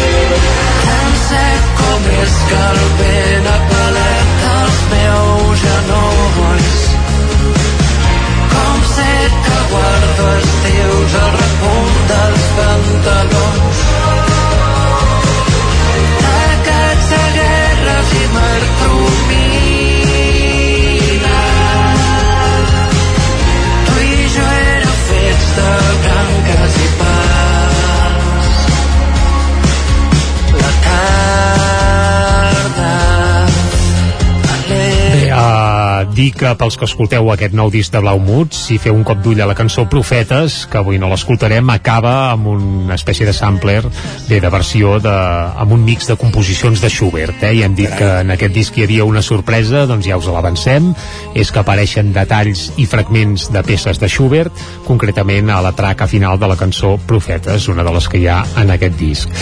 Dir també que el disc, eh, encara que sembli mentida, es va gravar en bona part durant el confinament i els músics no es van trobar presencialment en cap moment. És a dir, tots es veu que tenen un petit estudi casolà a casa i eh, això, s'ho anaven gravant, ho anaven mesclant, ho anaven tonejant i endreçant, doncs cadascú des de casa seu, fins i tot la bateria. Per tant, l'Oriol Amat, que és el violoncel, gravava els violoncels des de casa seu, el Manuel Caprovicas, que és el baixista i també contrabaix a vegades doncs, des de casa, el Basil Amin Brof, el violí també, i el Toni Pagès, que recordem ho ha substituït el Manuel Pedrós a la bateria, per tant ha fet que ara els Blaumut ja puguin, els puguem considerar de casa, de Territori 17, doncs també eh, va gravar les bateries des de casa, i el Xavi de la Iglesia, no l'Àlex, sinó el Xavi, que és el guitarrista, cantant, lletrista, i en aquest disc ho ha fet tant tot, que saps què ha fet també, Isaac? Què, què, què? La portada. La portada també és seva. La portada del disc és una portada una mica minimalista, on en teoria es veu un atleta a punt de sortir, allò, un, dos, tres ja, vinga. Sí, en blanc i negre. blanc i gris, per Sí, uns eh? píxels, és una portada tot curiosa, minimalista, que si te la mires de lluny veus un atleta, si te la mires de prop no veus res. És a dir, que és, és ben curiosa, Doncs, també. sí, doncs jo em la miro de lluny, ja t'ho dic ara, perquè el veig perfectament, l'aleta. Ah, perfecte, doncs ja està bé, ja està bé. Has, has pescat part de la gràcia i, per tant, com que nosaltres som uns amants dels discos físics, a part dels, eh, bé, dels que es pengen a plataforma, si podeu, fitxeu l'edició física perquè la carpeta val, val, val molt la pena. No només la portada, sinó tot el que hi ha eh, al seu interior, amb les lletres, els detalls de com es va gravar el disc, etc etc. Cal dir que el penúltim disc de Blaumut es deia 0001 i el van treure just abans de la pandèmia. Això els va afectar molt perquè pràcticament no el van poder presentar en directe i bé, en comptes de congelar-lo com van fer altres bandes, ells van decidir tirar pel dret i, i bé, i el que han fet ara és treure un disc nou uh, i ja està, i el 0001 haurà passat potser una mica sense pena ni glòria perquè és un disc que no va tenir gaire ressò però vaja, de moment ens quedem amb aquest Olímpica i Primavera, el més nou dels Blaumut, uns Blaumut que recuperen la seva essència, com sempre barrejant pop i cordes de clàssica. Un disc sobre el qual avui hem aprofundit aquí al Territori 17, el moment que hem arribat al punt de les 11, moment, per tant, de posar-nos al dia, d'actualitzar-nos. Fins ara mateix, gràcies, Jordi. Vinga. Territori 17, amb Isaac Moreno i Jordi Sunyer.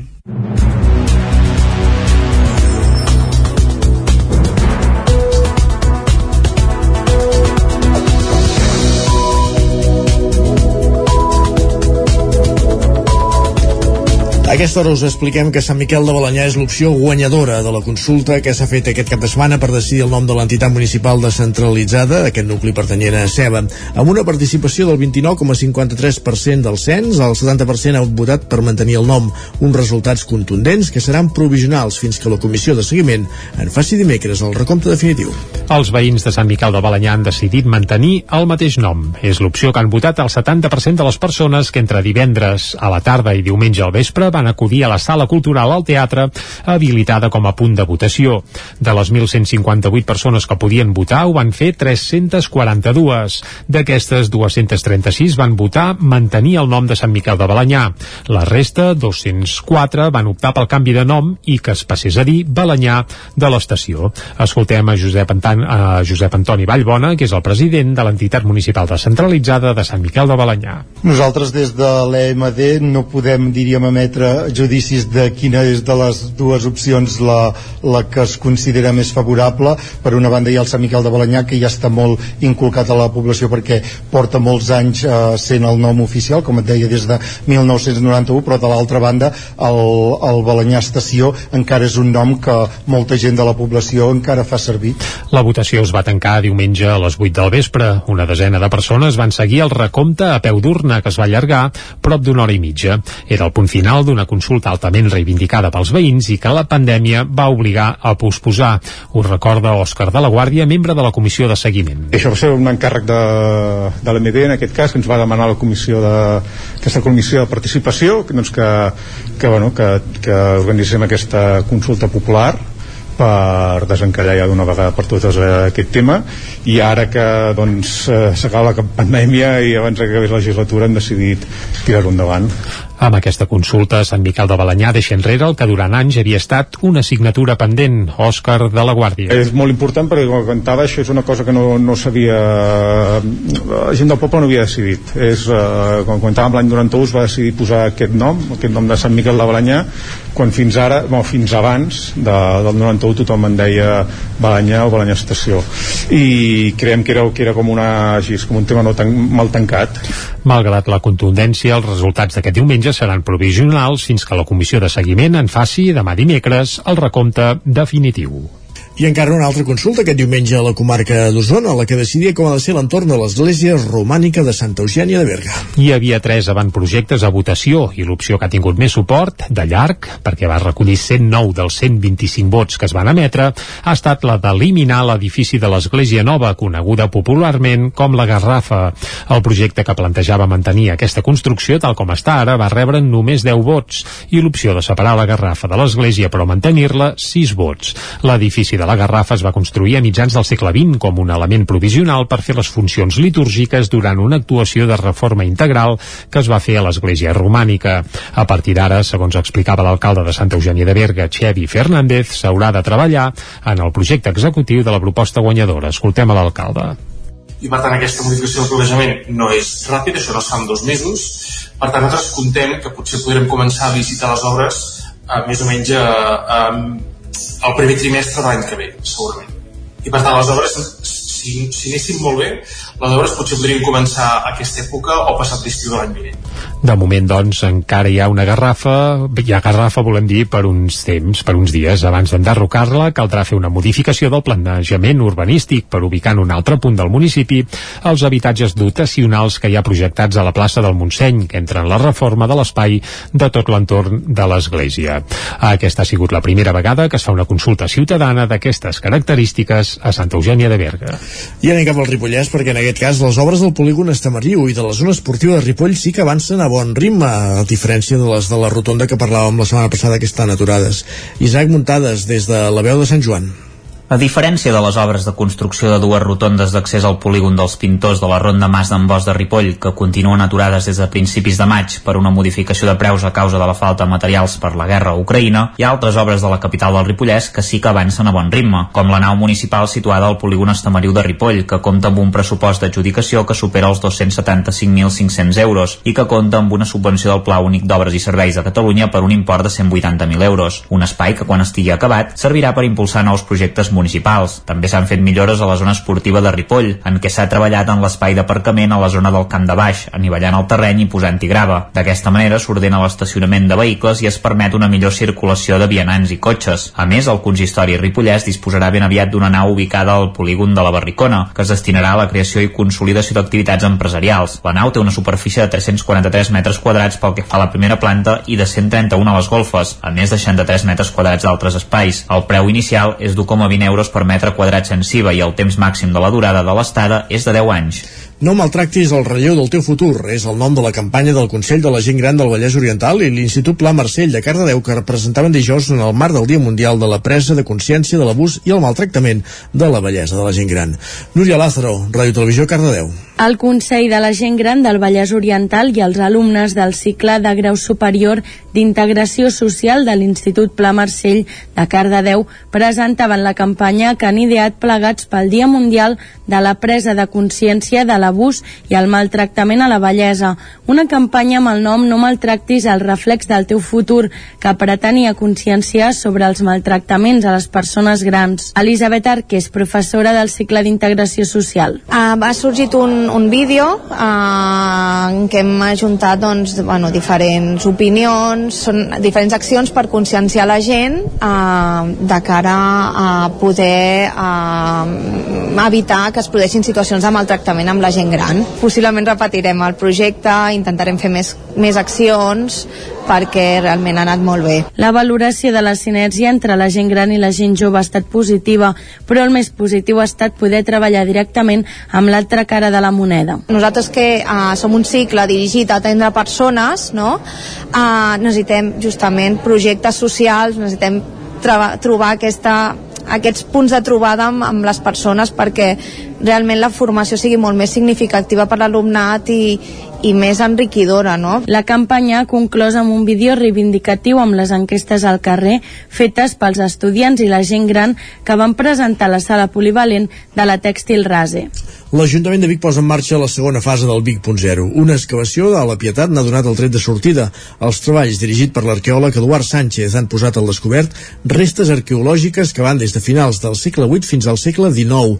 Aquesta segona fase, que suposarà una inversió d'1,8 milions d'euros, 1.800.000 euros, finalitzarà a finals de l'any 2023. Una excavació al cor de la nau central de la Pietat de Vic ha donat el tret de sortida a la segona fase del Vic.0. Aquests treballs que dirigeix l'arqueòleg Eduard Sánchez Sánchez i que de moment deixen a la vista més de 10 segles en l'evolució de la capital usonenca. La segona fase, que comportarà una inversió d'1,8 milions d'euros, acabarà a finals de l'any 2023. En Alemany és la regidora de Turisme de l'Ajuntament de Vic. Aquesta Setmana Santa ha començat el que us deia a l'inici, la segona fase del Vic.0, amb les excavacions arqueològiques sota el cor de la nau central. I aquesta segona fase també té una segona actuació que és l'enllumenat de la nau central i també l'accessibilitat del sobre d'aquesta nau central. El projecte culminarà amb un mapping que es projectarà a la façana del temple romà. Escoltem a Anna Alemany. Aquesta segona fase tindrà com a punt àlgid que durant el primer trimestre de l'any 2023 inaugurarem, estem pre està previst que, sí, que inaugurem un mapping en el temple romà, un mapping en el qual s'explicarà l'evolució urbanística, històrica i social doncs, d'aquest doncs, espai. També canviarà la nau central de la Pietat, on per ara l'excavació ja ha deixat al descobert restes de l'església preromànica dedicada a Sant Sadurní, que podrien datar del segle VIII o de principis del segle IX. No va ser fins l'any 1633 quan van començar a construir-se l'actual església de la Pietat. D'aquesta època, de fet, són algunes de les restes que també han aparegut. Eduard Sánchez és l'arqueòleg que dirigeix l'excavació. Aquí n'hi han d'aquests vasos sepulcrals, perquè a més a més per enterrar-se en aquests vasos s'havia de pagar i per tant era una manera de mantenir la infraestructura de, no solament de l'edifici o la construcció de l'edifici sinó també doncs, dels que vivien o mantenir l'edifici que eren els capellans de l'època. D'aquests vasos sepulcrals hem trobat diversos eh, de diferent tipologia i els tenim i alguns d'ells, algun d'ells concretament l'hem excavat i han sortit restes d'enterraments com és natural.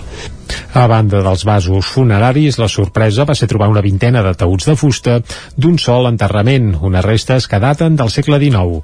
Les troballes que s'han anat descobrint aquests dies deixen ara un dilema recurrent. S'han de mantenir visibles o s'han de tornar a cobrir? L'eterna qüestió. El Festival de Circ al carrer de Collsospina enceta un projecte d'inserció social adreçat a joves de la Garrotxa, Jordi Givert, una codinenca. El Festival de Circ al carrer de Collsospina sempre ha tingut molt present la consciència social a l'hora de treballar. Ara han començat un projecte d'inserció social amb el circ com a element principal.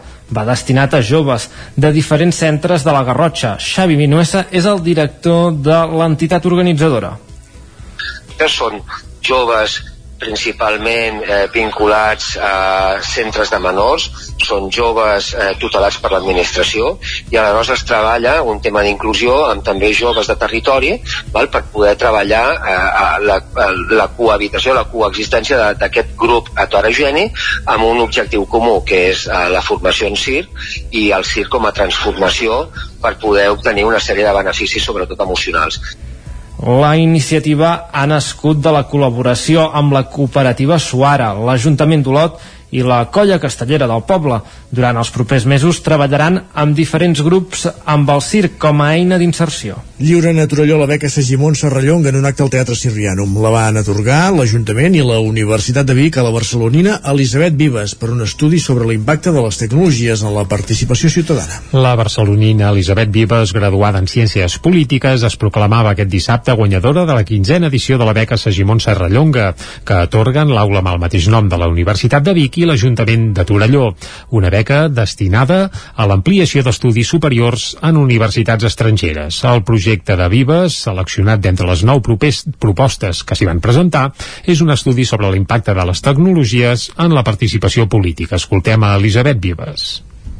Cal que ens preguntem quin impacte real tenen les tecnologies cíviques en els sistemes democràtics perquè hi ha poca res recerca al respecte. No, saber, no acabem de saber qui utilitza aquestes eines, per què les utilitza i quins en són els resultats.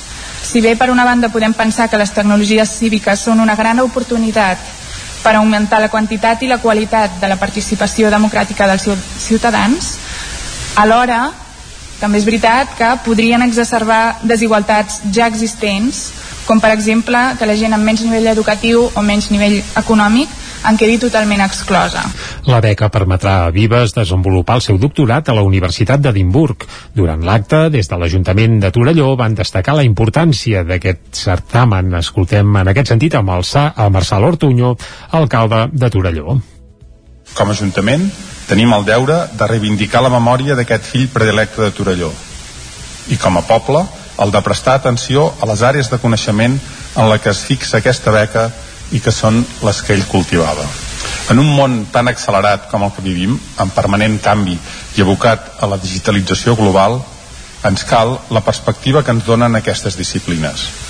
Més que mai, hem d'apostar perquè s'investigui i s'avanci en aquests camps. Encara pren més sentit si, com enguany, la beca es destina a subvencionar uns estudis que ho fan de manera tan directa. Durant l'acte, el periodista Antoni Batista va impartir la conferència Via Laietana a la Casa dels Horrors, reivindicació actual d'una memòria. Batista va recordar les tortures que van rebre diversos activistes de la comissaria situada en aquest carrer de Barcelona per part de la policia estatal franquista. Per acabar, la cantautora de Granollers, Ivet Nadal, va oferir, va oferir una actuació musical. I parlant de música, la bigatana Cèlia Tort a l'oboè i un conjunt instrumental amb Juan Ruixeng al violí van protagonitzar diumenge a l'Atlàntida de Vic un dels concerts més destacables del cicle Clàssica Jove. I per cert, avui és el Dia Mundial de la Música, a més a més, eh? El concert amb el títol El ressò de Bach invitava a fer una reflexió sobre com podem fer-nos nostra la música del compositor Johann Sebastian Bach, evidentment pensada per a un altre temps. El cicle de Clàssica Jove continuarà encara fins ben entrat el mes de juliol a Vic i per avui dimarts hi ha una de les cites més rellevants de tota l'edició. A les 8 del vespre hi ha prevista l'estrena del musical sobre la novel·la El Gran Gatsby que ha fet el jove músic de l'Esquirol, Artur Pàmies. Aquesta obra està ambientada a l'Amèrica dels anys 20, enmig de l'eufòria posterior a la Primera Guerra Mundial i la llei seca. L'estrena forma part del Festival Talent, amb el qual el Taller de Músics de Barcelona obre al públic les produccions dels seus alumnes. El concert, recordem-ho, avui a les 8 del vespre a l'Atlàntida de Vic, s'enregistrarà i, a més a més, se n'editarà un disc. Un quart de 12 del migdia i el territori 17, ara ja som l'estiu, segons les previsions que ens feia en Pep Acosta, el que fem per això tot seguit és parlar d'economia. Territori 17. Envia'ns les teves notes de veu per WhatsApp al 646 079 023. 646 079 023. WhatsApp Territori 17.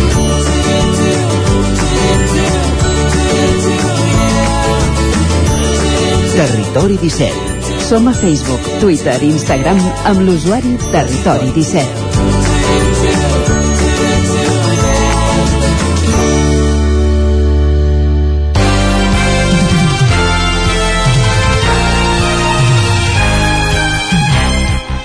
Com dèiem, moment de parlar d'economia, com cada dimarts saludem a aquesta hora en Joan Carles Arredondo, el cap d'Economia del 9-9 del Vallès Oriental. Joan Carles, benvingut, bon dia. Bon dia. I avui per parlar d'una qüestió d'economia domèstica, la natalitat. Més, més, més domèstic que la natalitat, és difícil de trobar, eh? Per això mateix. És rendible tenir fills? No, rendible segur que no és. En aspectes econòmics. En tot cas, en, en àmbits socials i personal i humans segurament sí.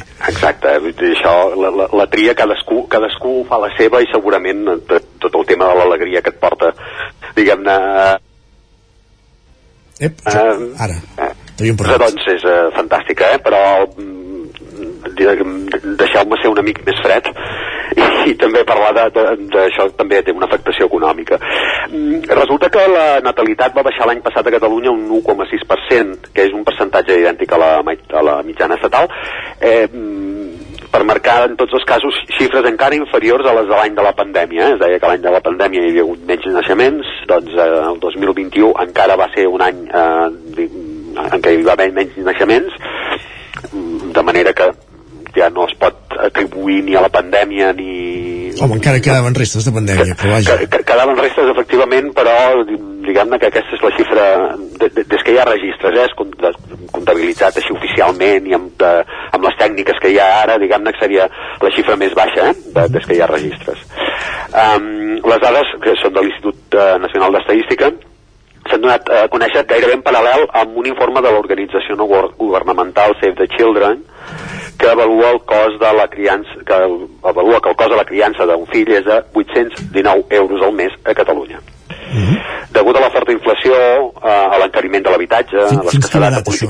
Entenem que és de 0 a 18 anys, per entendre'ns? No, no, la, eh, no diguem-ne que em, fa, fa, fa di- diferents segments, però aquest seria, seria el, el cost entre 0 i 3, eh? D'acord.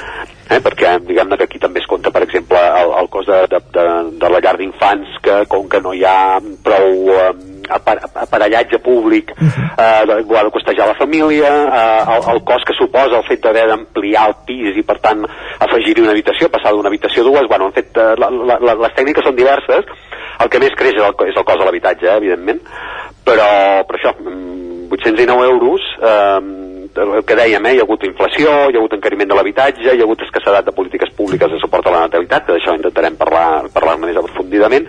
Tot plegat fa que el cost eh, s'hagi incrementat gairebé un 30% en comparació amb podríem tirar molt enrere, però no, és en comparació al 2018. Eh? Carai, que és d'això, eh? és bastant recent. Sí, sí. Natalitat eh, baixant, mm, increment de costos, eh, les notícies és veritat que són diferents, eh, però, però costa, costa eh, no caure en la tentació de posar en relació eh, les dades de, de, dels- de l'estudi de, de l'Institut Nacional d'Estadística i el de Save the Children. Aprofundim una mica doncs en les dades, eh, les de l'Institut Nacional d'Estadística apunten que la natalitat va baixar l'any passat amb més del 35% respecte de les 10, 10, 10 anys abans.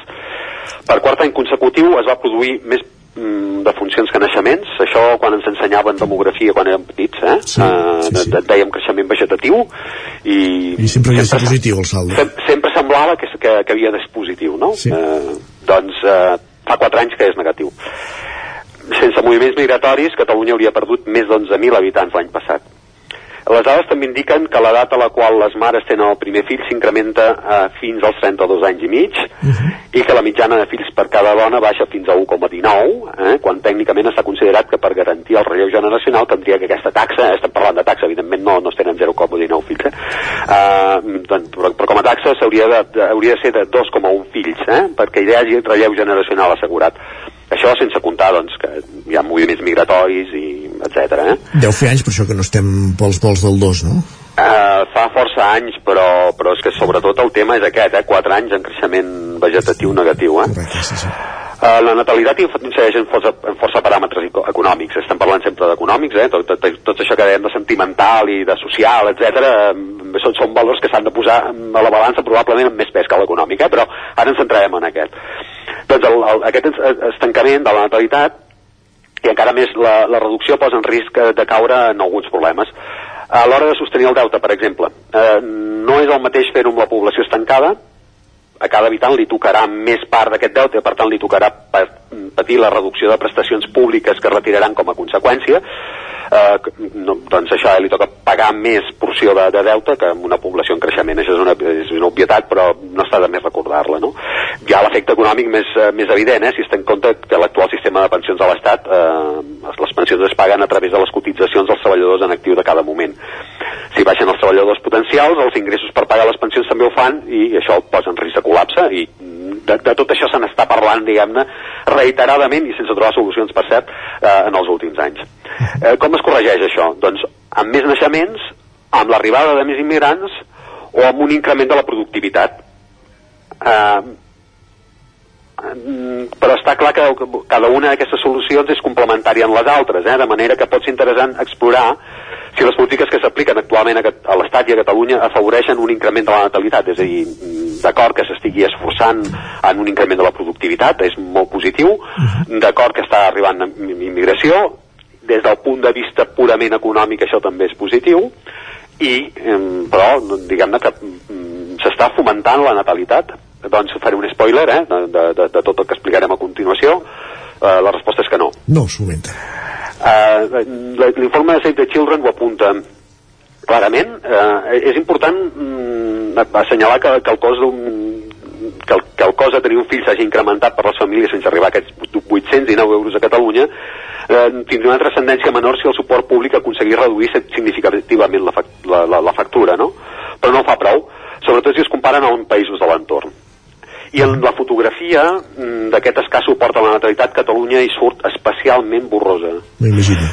I Una de les vies freqüents de suport a la natalitat és una reducció de la càrrega fiscal sobre les famílies, eh? aquestes deduccions, que que fan impostos sobre la renda, diguem-ne, eh, la saben, que et poden deduir.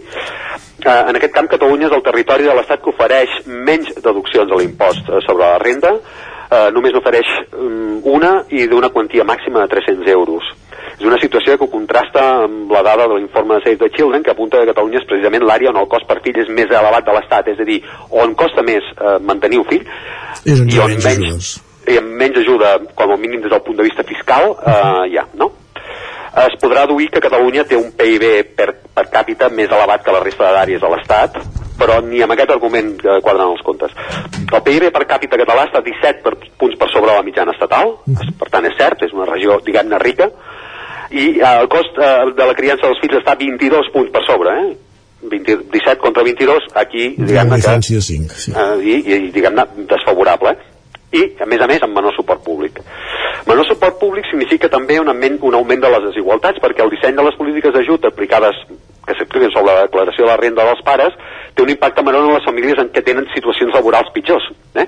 So- sobretot si, si n'estan exclosos és a dir, eh, en aquell que no presenta declaració de la renda no se li poden fer deduccions És així. això, eh, això va així. Per tant, el que estem fent és que aquesta, aquesta mena de suports desquadra amb, amb la progressivitat que se suposa que han de tenir els, els impostos. Progressivitat vol dir eh, que paga més qui més té. Eh? Doncs en aquest cas no, no ho sembla, no? Ah, per, eh, aquest disseny poc redistributiu mm, fa que el, el suport públic contribueixi poc a reduir el risc de pobresa de la població infantil. Ho fa en un 16%, eh? la, redu- la, el risc de pobresa es redueix un 16% en la població infantil. I conforme van avançant en edat, diguem-ne que eh, aquestes polítiques de suport públic van, són més favorables, no? Sí, també són progressives. Ah, exacte, de, de, de, de, de 18 a 64 anys ho fan un 36% i de més de 65 un 78%. Clar, hi ha les prestacions públiques a pensions, etc. Per tant, hi ha un disseny que Vaja, sí que és favorable per... Tu has de treballar, tu has de treballar al llarg de la vida. Ah, exacte. Bé, mm, però, però llavors això està fomentant poc, eh, la natalitat. És, és evident. Més enllà d'aquests factors, hi ha una dada clara sobre el camí de millora en l'eficiència dels ajuts espanyols. A l'Estat, el suport a les famílies comporta una aportació de fons equivalent a un 1,3% del PIB. Xifra encara inferior a Catalunya, que seria un 0,8%, però les dades són poc actualitzades i diguem-ne que no les agafarem aquí com si fossin la Bíblia. Eh? 1,3%, i la mitjana europea arriba al 2,4%. Eh? Estem un punt, 1,1 punts per sota i diguem-ne que mm, fet i fet gairebé és la meitat, eh? 1,3 contra 2,4 no arriba a la meitat, però déu nhi no? Sí. A Europa hi ha moltes modalitats de suport, des d'aportacions directes, aplicació d'IVAs reduïts sobre alguns productes. El més clar, per exemple, són els bolquers. No? Els bolquers a Europa es paguen amb IVA superreduït, aquí amb, IVA- amb IVA normal. El que podria ser un 4% de càrrega sobre el preu, aquí passa a ser el 21%. Eh? Ole tu, Ah. que diria aquell. Sí, de- des d'un punt de vista purament econòmic, el foment de la natalitat és un factor decisivament important perquè el relleu generacional és imprescindible i perquè per produir fa falta mà d'obra. És un fet que la societat ha evolucionat i que no s'arribaran a aquelles xifres de natalitat que hi havia quan, quan hi havia el baby boom, eh? ni a l'Estat ni a Europa, i de fet arreu del món, eh? no, no, no s'arribaran aquestes, aquestes xifres de naixement. Que és un fet cert que la natalitat no és l'única via per guanyar mà d'obra, i que les migracions seran millor dit, continuaran sent, perquè ja, ja ho han estat sent fins ara, eh, una normalitat i que caldrà saber explorar els camins per millorar la productivitat. Eh? Però sobre la gent de les necessitats, eh, de, de necessitats, el foment de la natalitat només contribueix a deixar incompletes aquestes polítiques de creixement. Per tant, els focus s'han de posar, eh, allò dels ous en diferents cistells, sí, bé, bé la immigració, bé eh, la productivitat, però s'hauria de fixar l'atenció també en la natalitat. I avui és el que hem fet al Territori 17, posar-hi el focus. Gràcies, Joan Carles. Gràcies a vosaltres, bon, Bon dia. Fe, avancem al Territori 17, fem una pausa i tornem tot seguit, passant per la R3 i el Territori dona. El nou FM, la ràdio de casa, al 92.8. Nou restaurant Samsara Vic. Vine a provar el nostre sushi, plats japonesos i asiàtics. Bufet lliure cada migdia les nits i als caps de setmana. També disposem de menú infantil. Restaurant Samsara. Vine i et sentiràs en un altre món. Obrim de dimarts a diumenge. Ens trobaràs al carrer de la Fusina número 2 de Vic, a prop del Banc Santander i de la botiga Orange. O si ho prefereixes, truca'ns al 93 146 82 89. El restaurant Samsara us desitja una bona rebella de Sant Joan. Si tens pensat canviar la caldera o posar aire condicionat, posa't en mans de Pradell. Tenen les millors ofertes. Pradell instal·la calderes de biomassa, calderes de condensació, aire condicionat tant per a particulars com per a empreses. Apunta, Pradell, Avinguda Països Catalans, número 27 de Vic. Telèfon 93 885 11 97. Repetim, 93 885 11 97. Al racó del León i celebra la rebella de Sant Joan. Menú especial, coca de Sant Joan i llangonissa per tothom. Gaudeix de la rebella de Sant Joan al racó del León, carrer Torelló, número 35 de Vic. Fes la teva reserva al 93 889 19 50.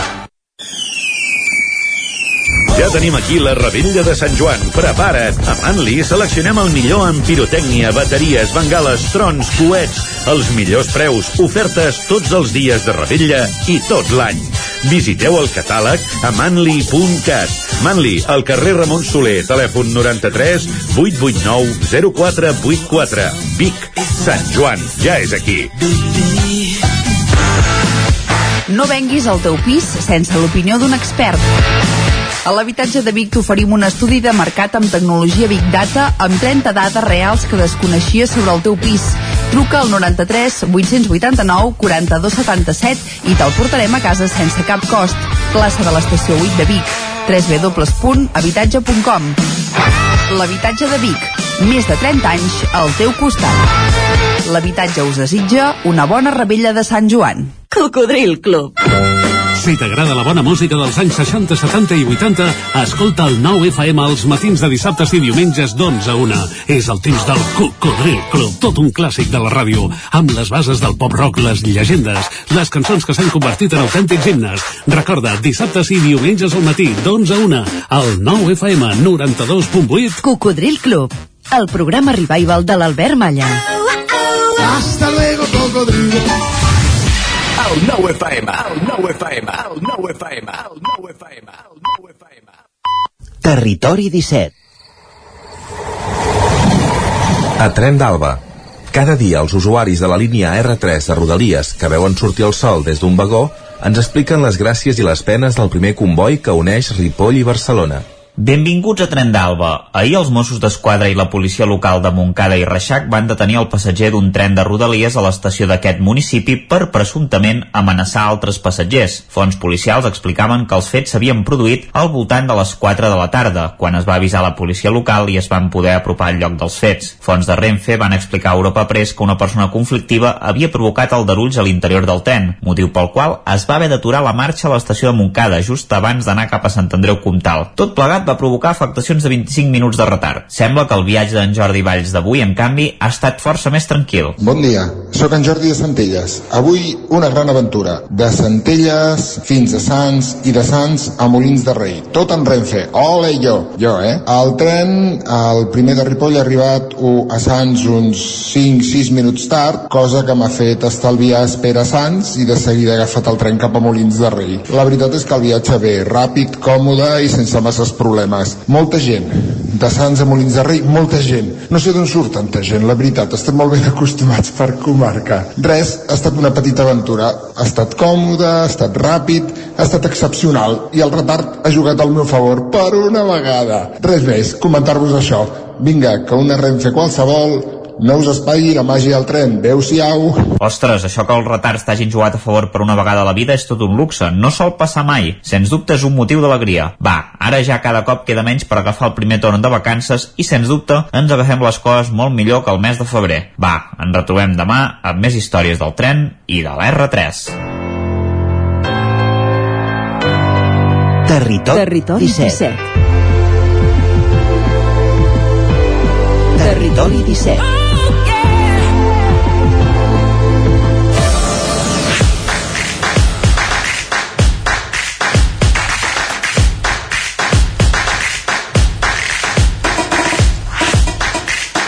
Dos minuts i mig pràcticament que passen de dos quarts de dotze, ja som a l'estiu astronòmic i arriba el moment sota aquests timbals del territori dona. Maria López, Ràdio Televisió Cardeu, bon dia. Molt bon dia, Isaac. I com m'agrada arribar amb aquest ritme de, aquest ritme de timbals cada, cada dimarts, perquè efectivament comença avui un nou Territori Dona, una nova tertúlia amb tota la intenció del món de posar sobre la taula els debats diaris al voltant de la lluita feminista. I com no podia ser d'una altra manera, per tertúlia d'avui comptem amb les companyes de Territori 17. Des del Nou Ràdio avui ens acompanya l'Ester Rovira, que ens porta un titular de la darrera setmana que a priori sembla bona notícia, oi que sí, Esther? Uh, hola, Maria, doncs uh, sí, és una de les notícies destacades de, de la setmana passada i és que Espanya costa els ingressos de la selecció femenina als de la masculina. Eh, dic que costa perquè és un pas de gegant per la professionalització del futbol femení, però hi ha lletra petita i no ens podem quedar amb què s'ha arribat a una igualtat real econòmica entre la selecció masculina i femenina. Doncs avui posarem sobre la taula aquesta lletra petita que ens deia l'Ester i qui també ens acompanya des de Ràdio Cardedeu és la Susana Cabiscol amb aquestes banderes vermelles i verdes que fem cada setmana. Què tenim avui, Susana? Bandera vermella o bandera verda? Doncs mira, no sé si serà vermella o verda, després m'ajudeu a decidir, però parlarem del rebombori que va haver a les xarxes socials la setmana passada per un escot a la televisió pública catalana. Doncs de futbol, de sous i d'escots eh, anirà avui la cosa, així que si us sembla, comencem amb la tertúlia al Territori Dona.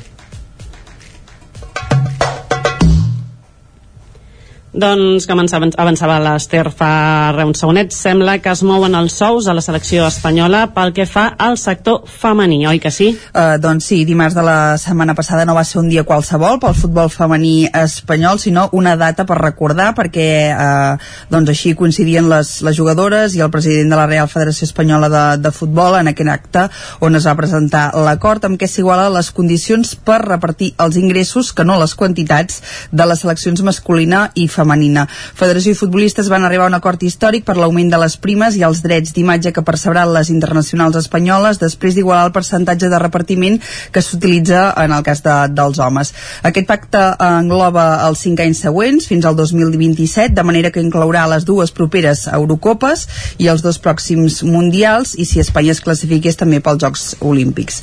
Amb l'acord, eh, els jugadors convocats per Luis Enrique i les jugadores eh, que cita eh, Jorge Vilda rebran un percentatge semblant dels premis aconseguits a les fases classificatòries i als grans tornejos. D'aquí s'avancen els pagaments per cada concentració i també dels patrocinis de la, de la Federació Espanyola.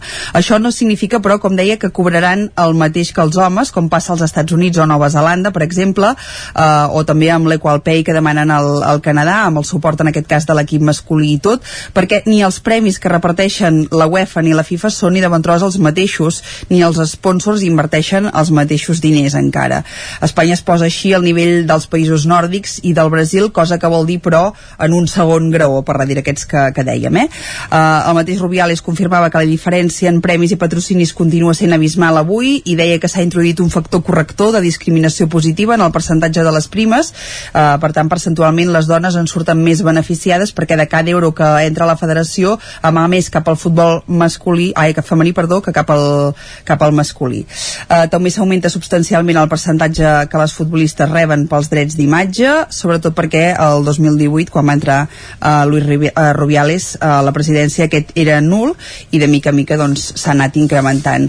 Uh, aquest acord uh, que explicàvem que es va arribar, que es va signar la setmana passada respon a les reivindicacions de les jugadores d'Espanya que estudiaven plantar-se fins i tot abans de l'Eurocopa que començarà aquest juliol i hem de dir que fa 5 anys, sota el lideratge d'Ada Hegerberg, uh, Noruega va ser el primer país que va firmar la igualtat de condicions entre equips femenins i masculins eh, perquè Hegerberg va renunciar durant 5 anys a jugar amb la seva selecció. Fins i tot es va perdre el Mundial per reivindicar l'equiparació salarial. Després s'hi han afegit països com els Estats Units, el Brasil, Anglaterra Austràlia, Finlàndia o Irlanda i en total fins ara som 10 els països que han fet eh, aquest pas.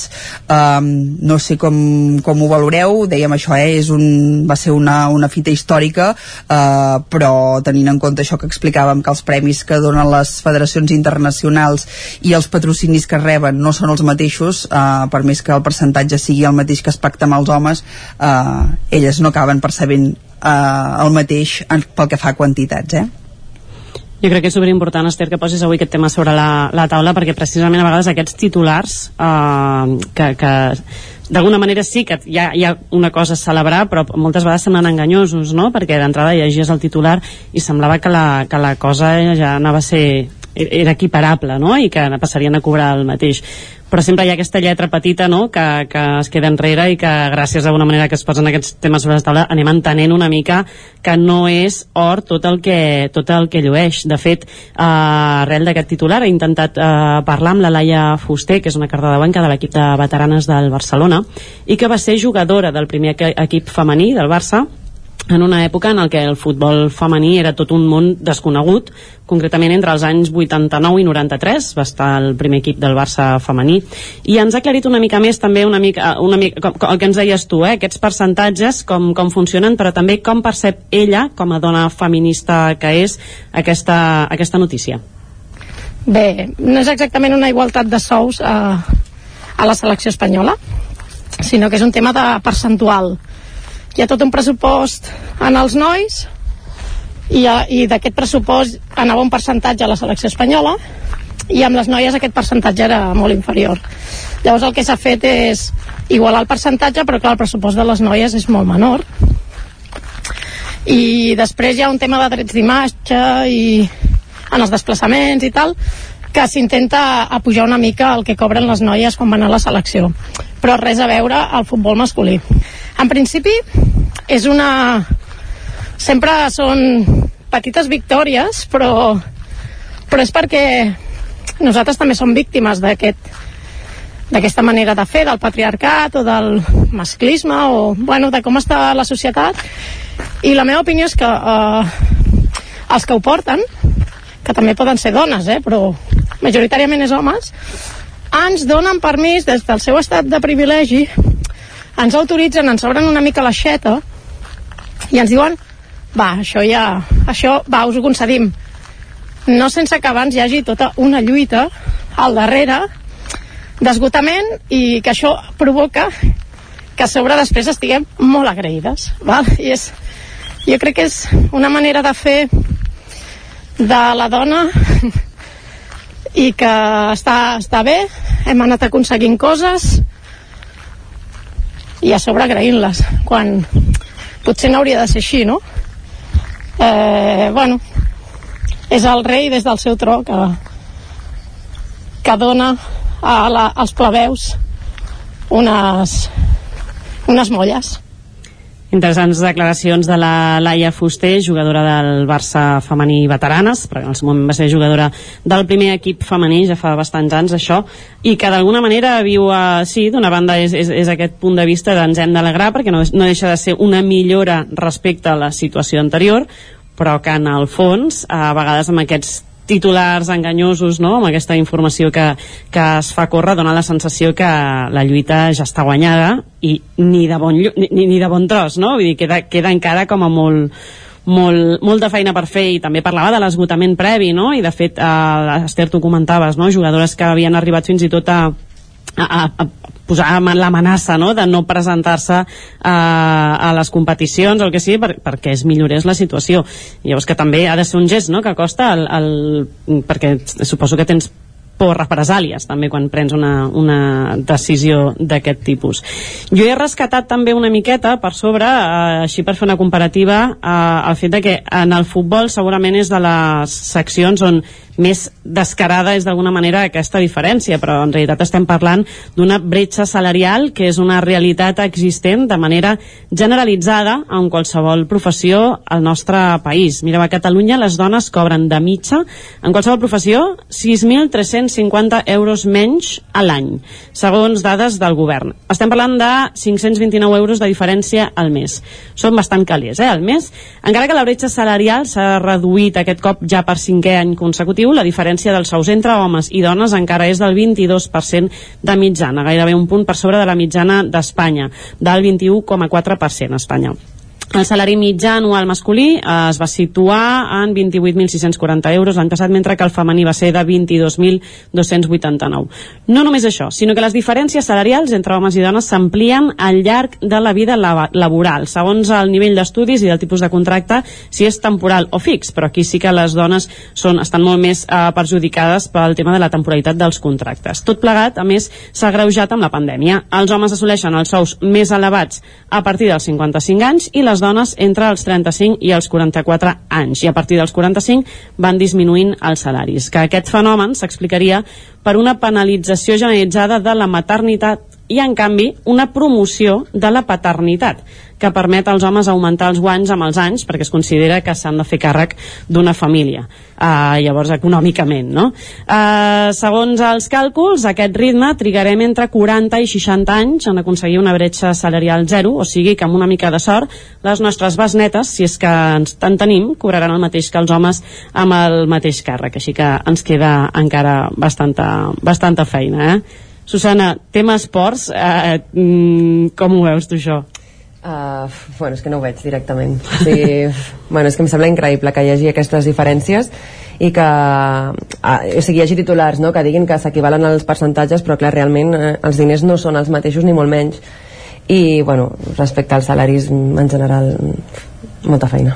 Molta feina, Esther, no sé fins a quin punt et sembla tu que, que som responsables d'aquests titulars a vegades que, que com a periodistes eh, doncs que ens en alegrem tant d'una petita victòria d'aquestes i que a vegades ens, ens accedim d'una d'aquests titulars o aquest titular l'ha fet clarament un home.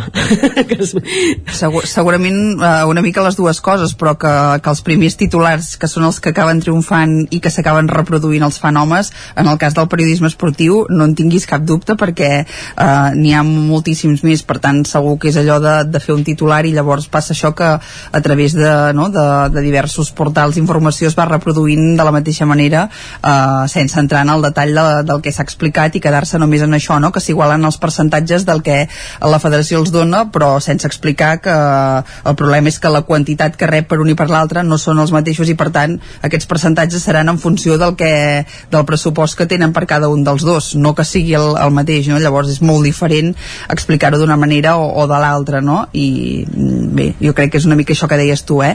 Uh, uh, els llocs de presa de decisió continuen sent d'homes, per tant, la sensibilitat, uh, per més que hi pugui ser, no, no serà la mateixa que, que la d'una dona, i també el que trobo faltar molt en el cas d'un esport on es mouen tants diners com en el cas de, del futbol és més implicació dels homes, uh, és a dir, en aquest cas de, dels futbolistes, no? Perquè uh, estem parlant de, de persones que ja dels seus clubs uh, cro, uh, cobren sous desorbitats uh, i que a més a més després van amb les seleccions perquè en aquest cas concret estem parlant només de, de la selecció espanyola, eh?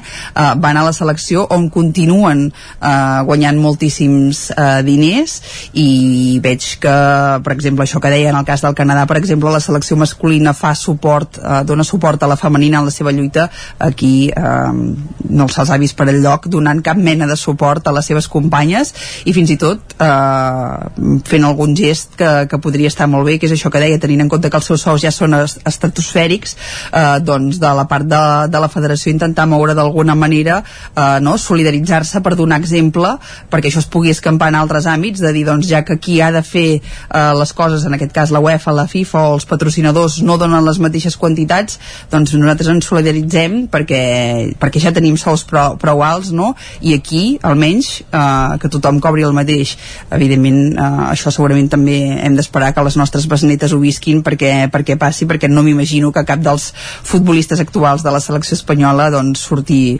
amb, no? amb, intentant aportar ells aquest factor de correcció que, que intenta aportar la, la, la federació però que tot i així acaba sent insuficient eh, perquè doncs, el, el que perceben per aquests equips és, és molt diferent encara penseu que no ho fan per, per una d'alguna manera que no els tatxin d'hipòcrites en el sentit de dir, sí, molt, mostrar solidaritat però que no et toquin la butxaca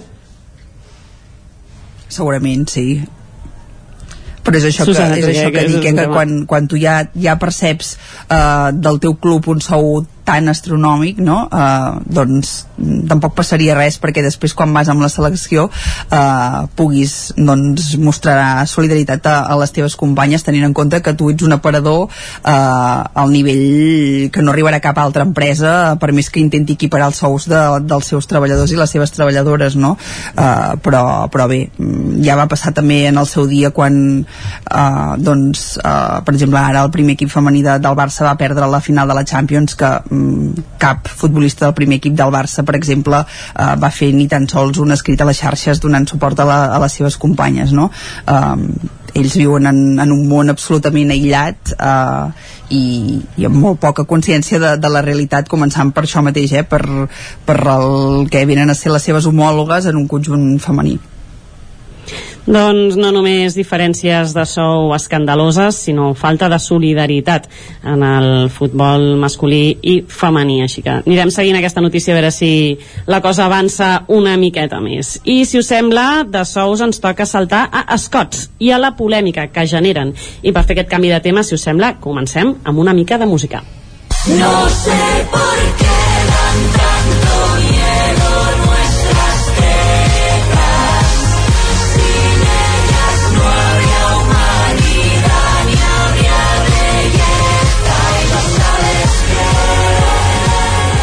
Susana, ¿por qué dan tanto miedo nuestras tetas, que diria Rigoberta Bandini? Per què fan tanta por als nostres pits? Explica'ns què ha passat. Doncs mira, jo no sé per què encara el 2022 els nostres pits fan por, però uh, volia començar amb aquest tema de la Rigoberta Bandini, uh, perquè com, com he dit abans i com has dit tu, Maria, la cosa va de pits. I és que la setmana passada, els matins de TV3 van entrevistar la periodista Patricia Paja, portaveu del, del govern, per fer una mica de valoració sobre el seu primer any, no?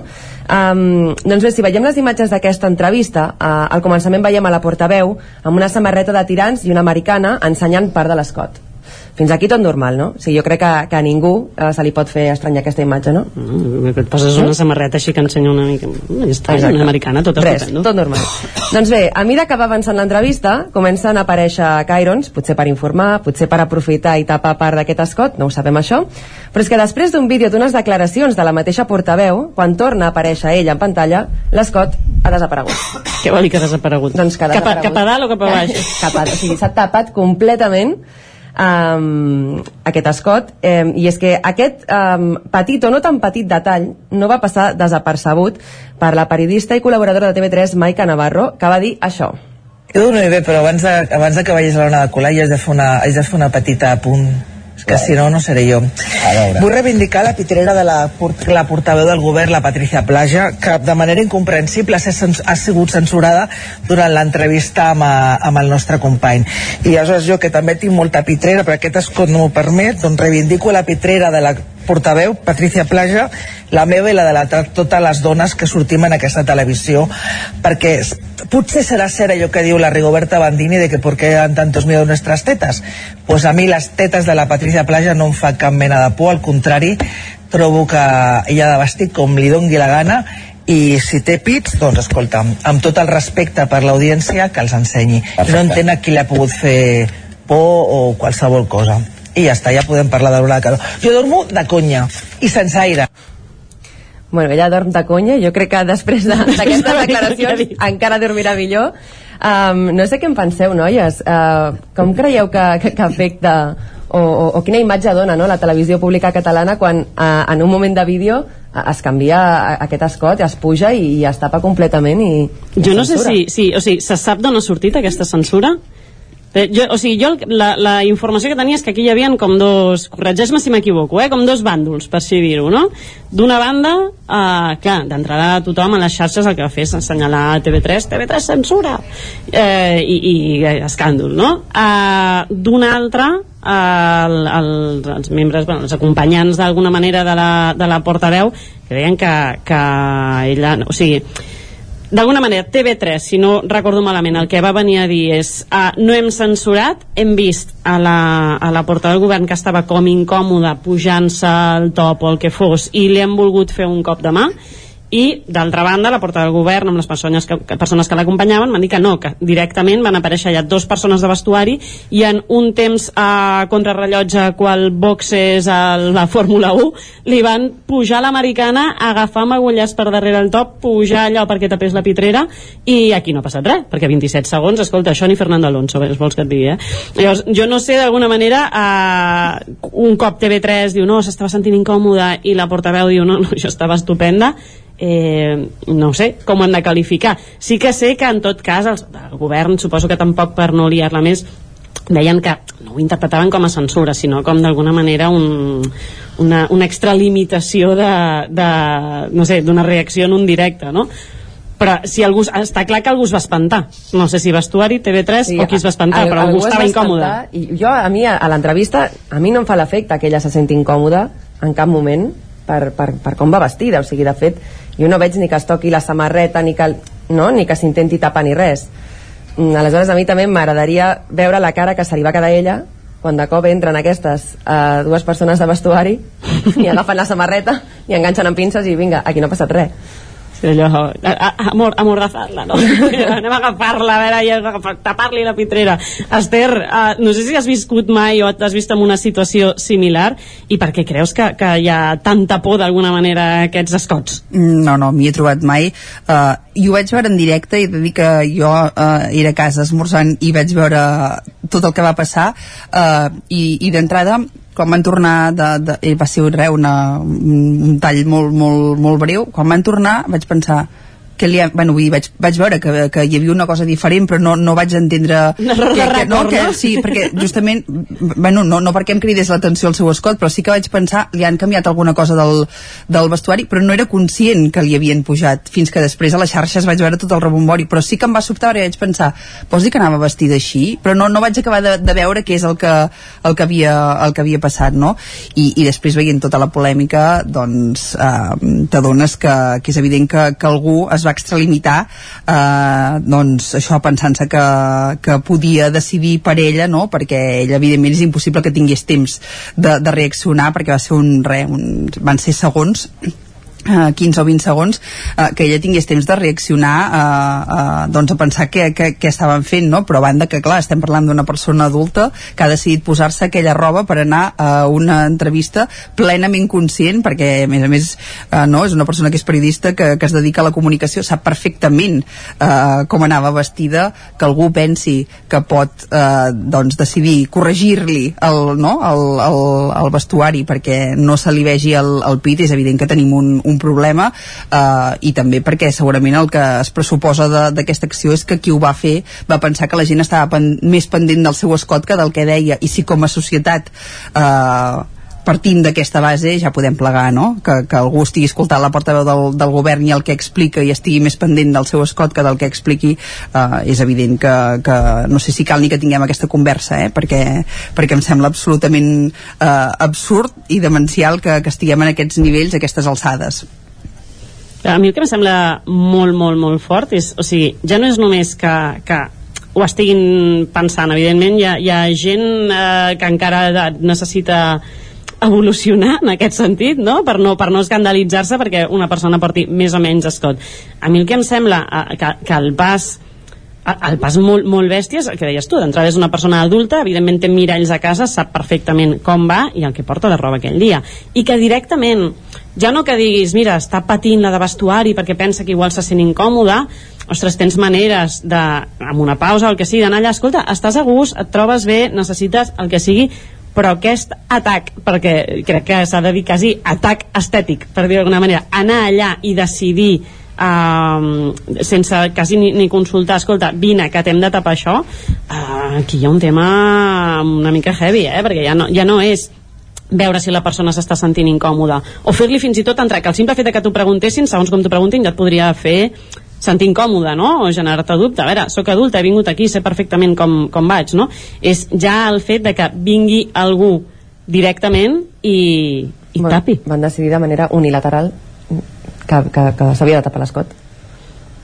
És que a més, i a més aquí té molt a veure segur, perquè evidentment tu mires mateix TV3 al vespre a qualsevol altre horari i no passarà res amb aquest escot. Jo no sé si aquí el que els hi molestava més era l'horari i el tipus de programa, que fos la portaveu del, del govern, o, o què, perquè jo crec que això mateix en un altre programa, en un altre horari no ho fan. No sé com ho veieu vosaltres, jo crec que és un tema de, de potser la barreja d'informació amb, no sé, jo crec que, que aquí va haver-hi un creuament d'un curtcircuit uh, un curtcircuit important per part d'algú i, que, i que va entrar això directament. A nivell de xarxes, a més el més interessant és que no només hi ha hagut, uh, per sort, la immensa majoria de gent que ha vingut a dir uh, TV3 què feu, uh, deixeu aquesta dona que vesteixi com, vulgui, com vulgui, sinó que evidentment, com sempre, també hi ha detractors que, que han vingut a posar sobre la taula el fet de uh, no són maneres d'anar amb un programa informatiu.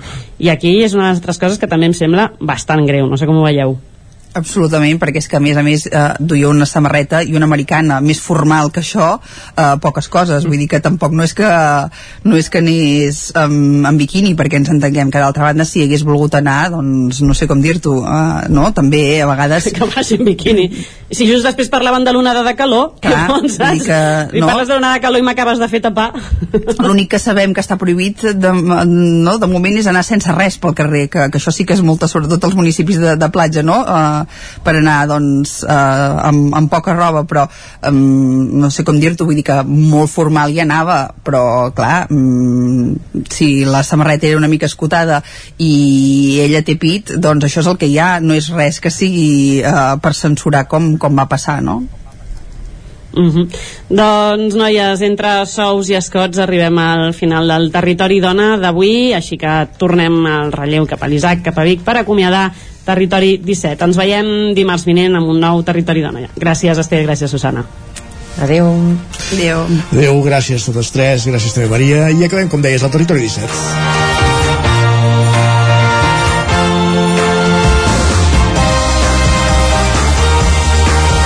Territori 17 que acaba amb el territori dona d'avui dimarts, 21 de juny de 2022, però que ha començat ja fa una estona a les 9 del matí en companyia de Pep Acosta, Guillem Sánchez, Guillem Freixa, Jordi Givert, Gemma Permanyer, Núria Lázaro, Joan Carles Arredondo, Òscar Muñoz, Isaac Muntada, Susana Cabiscol, Esther Rovira, Maria López, Pol Matavaques, Jordi Sunyer i Isaac Moreno.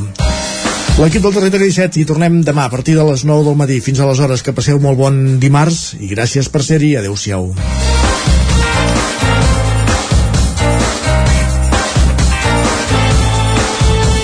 Territori 17, un magazín del nou FM. La veu de Sant Joan, Ona Codinenca i Ràdio Cardedeu amb el suport de la xarxa. El nou FM.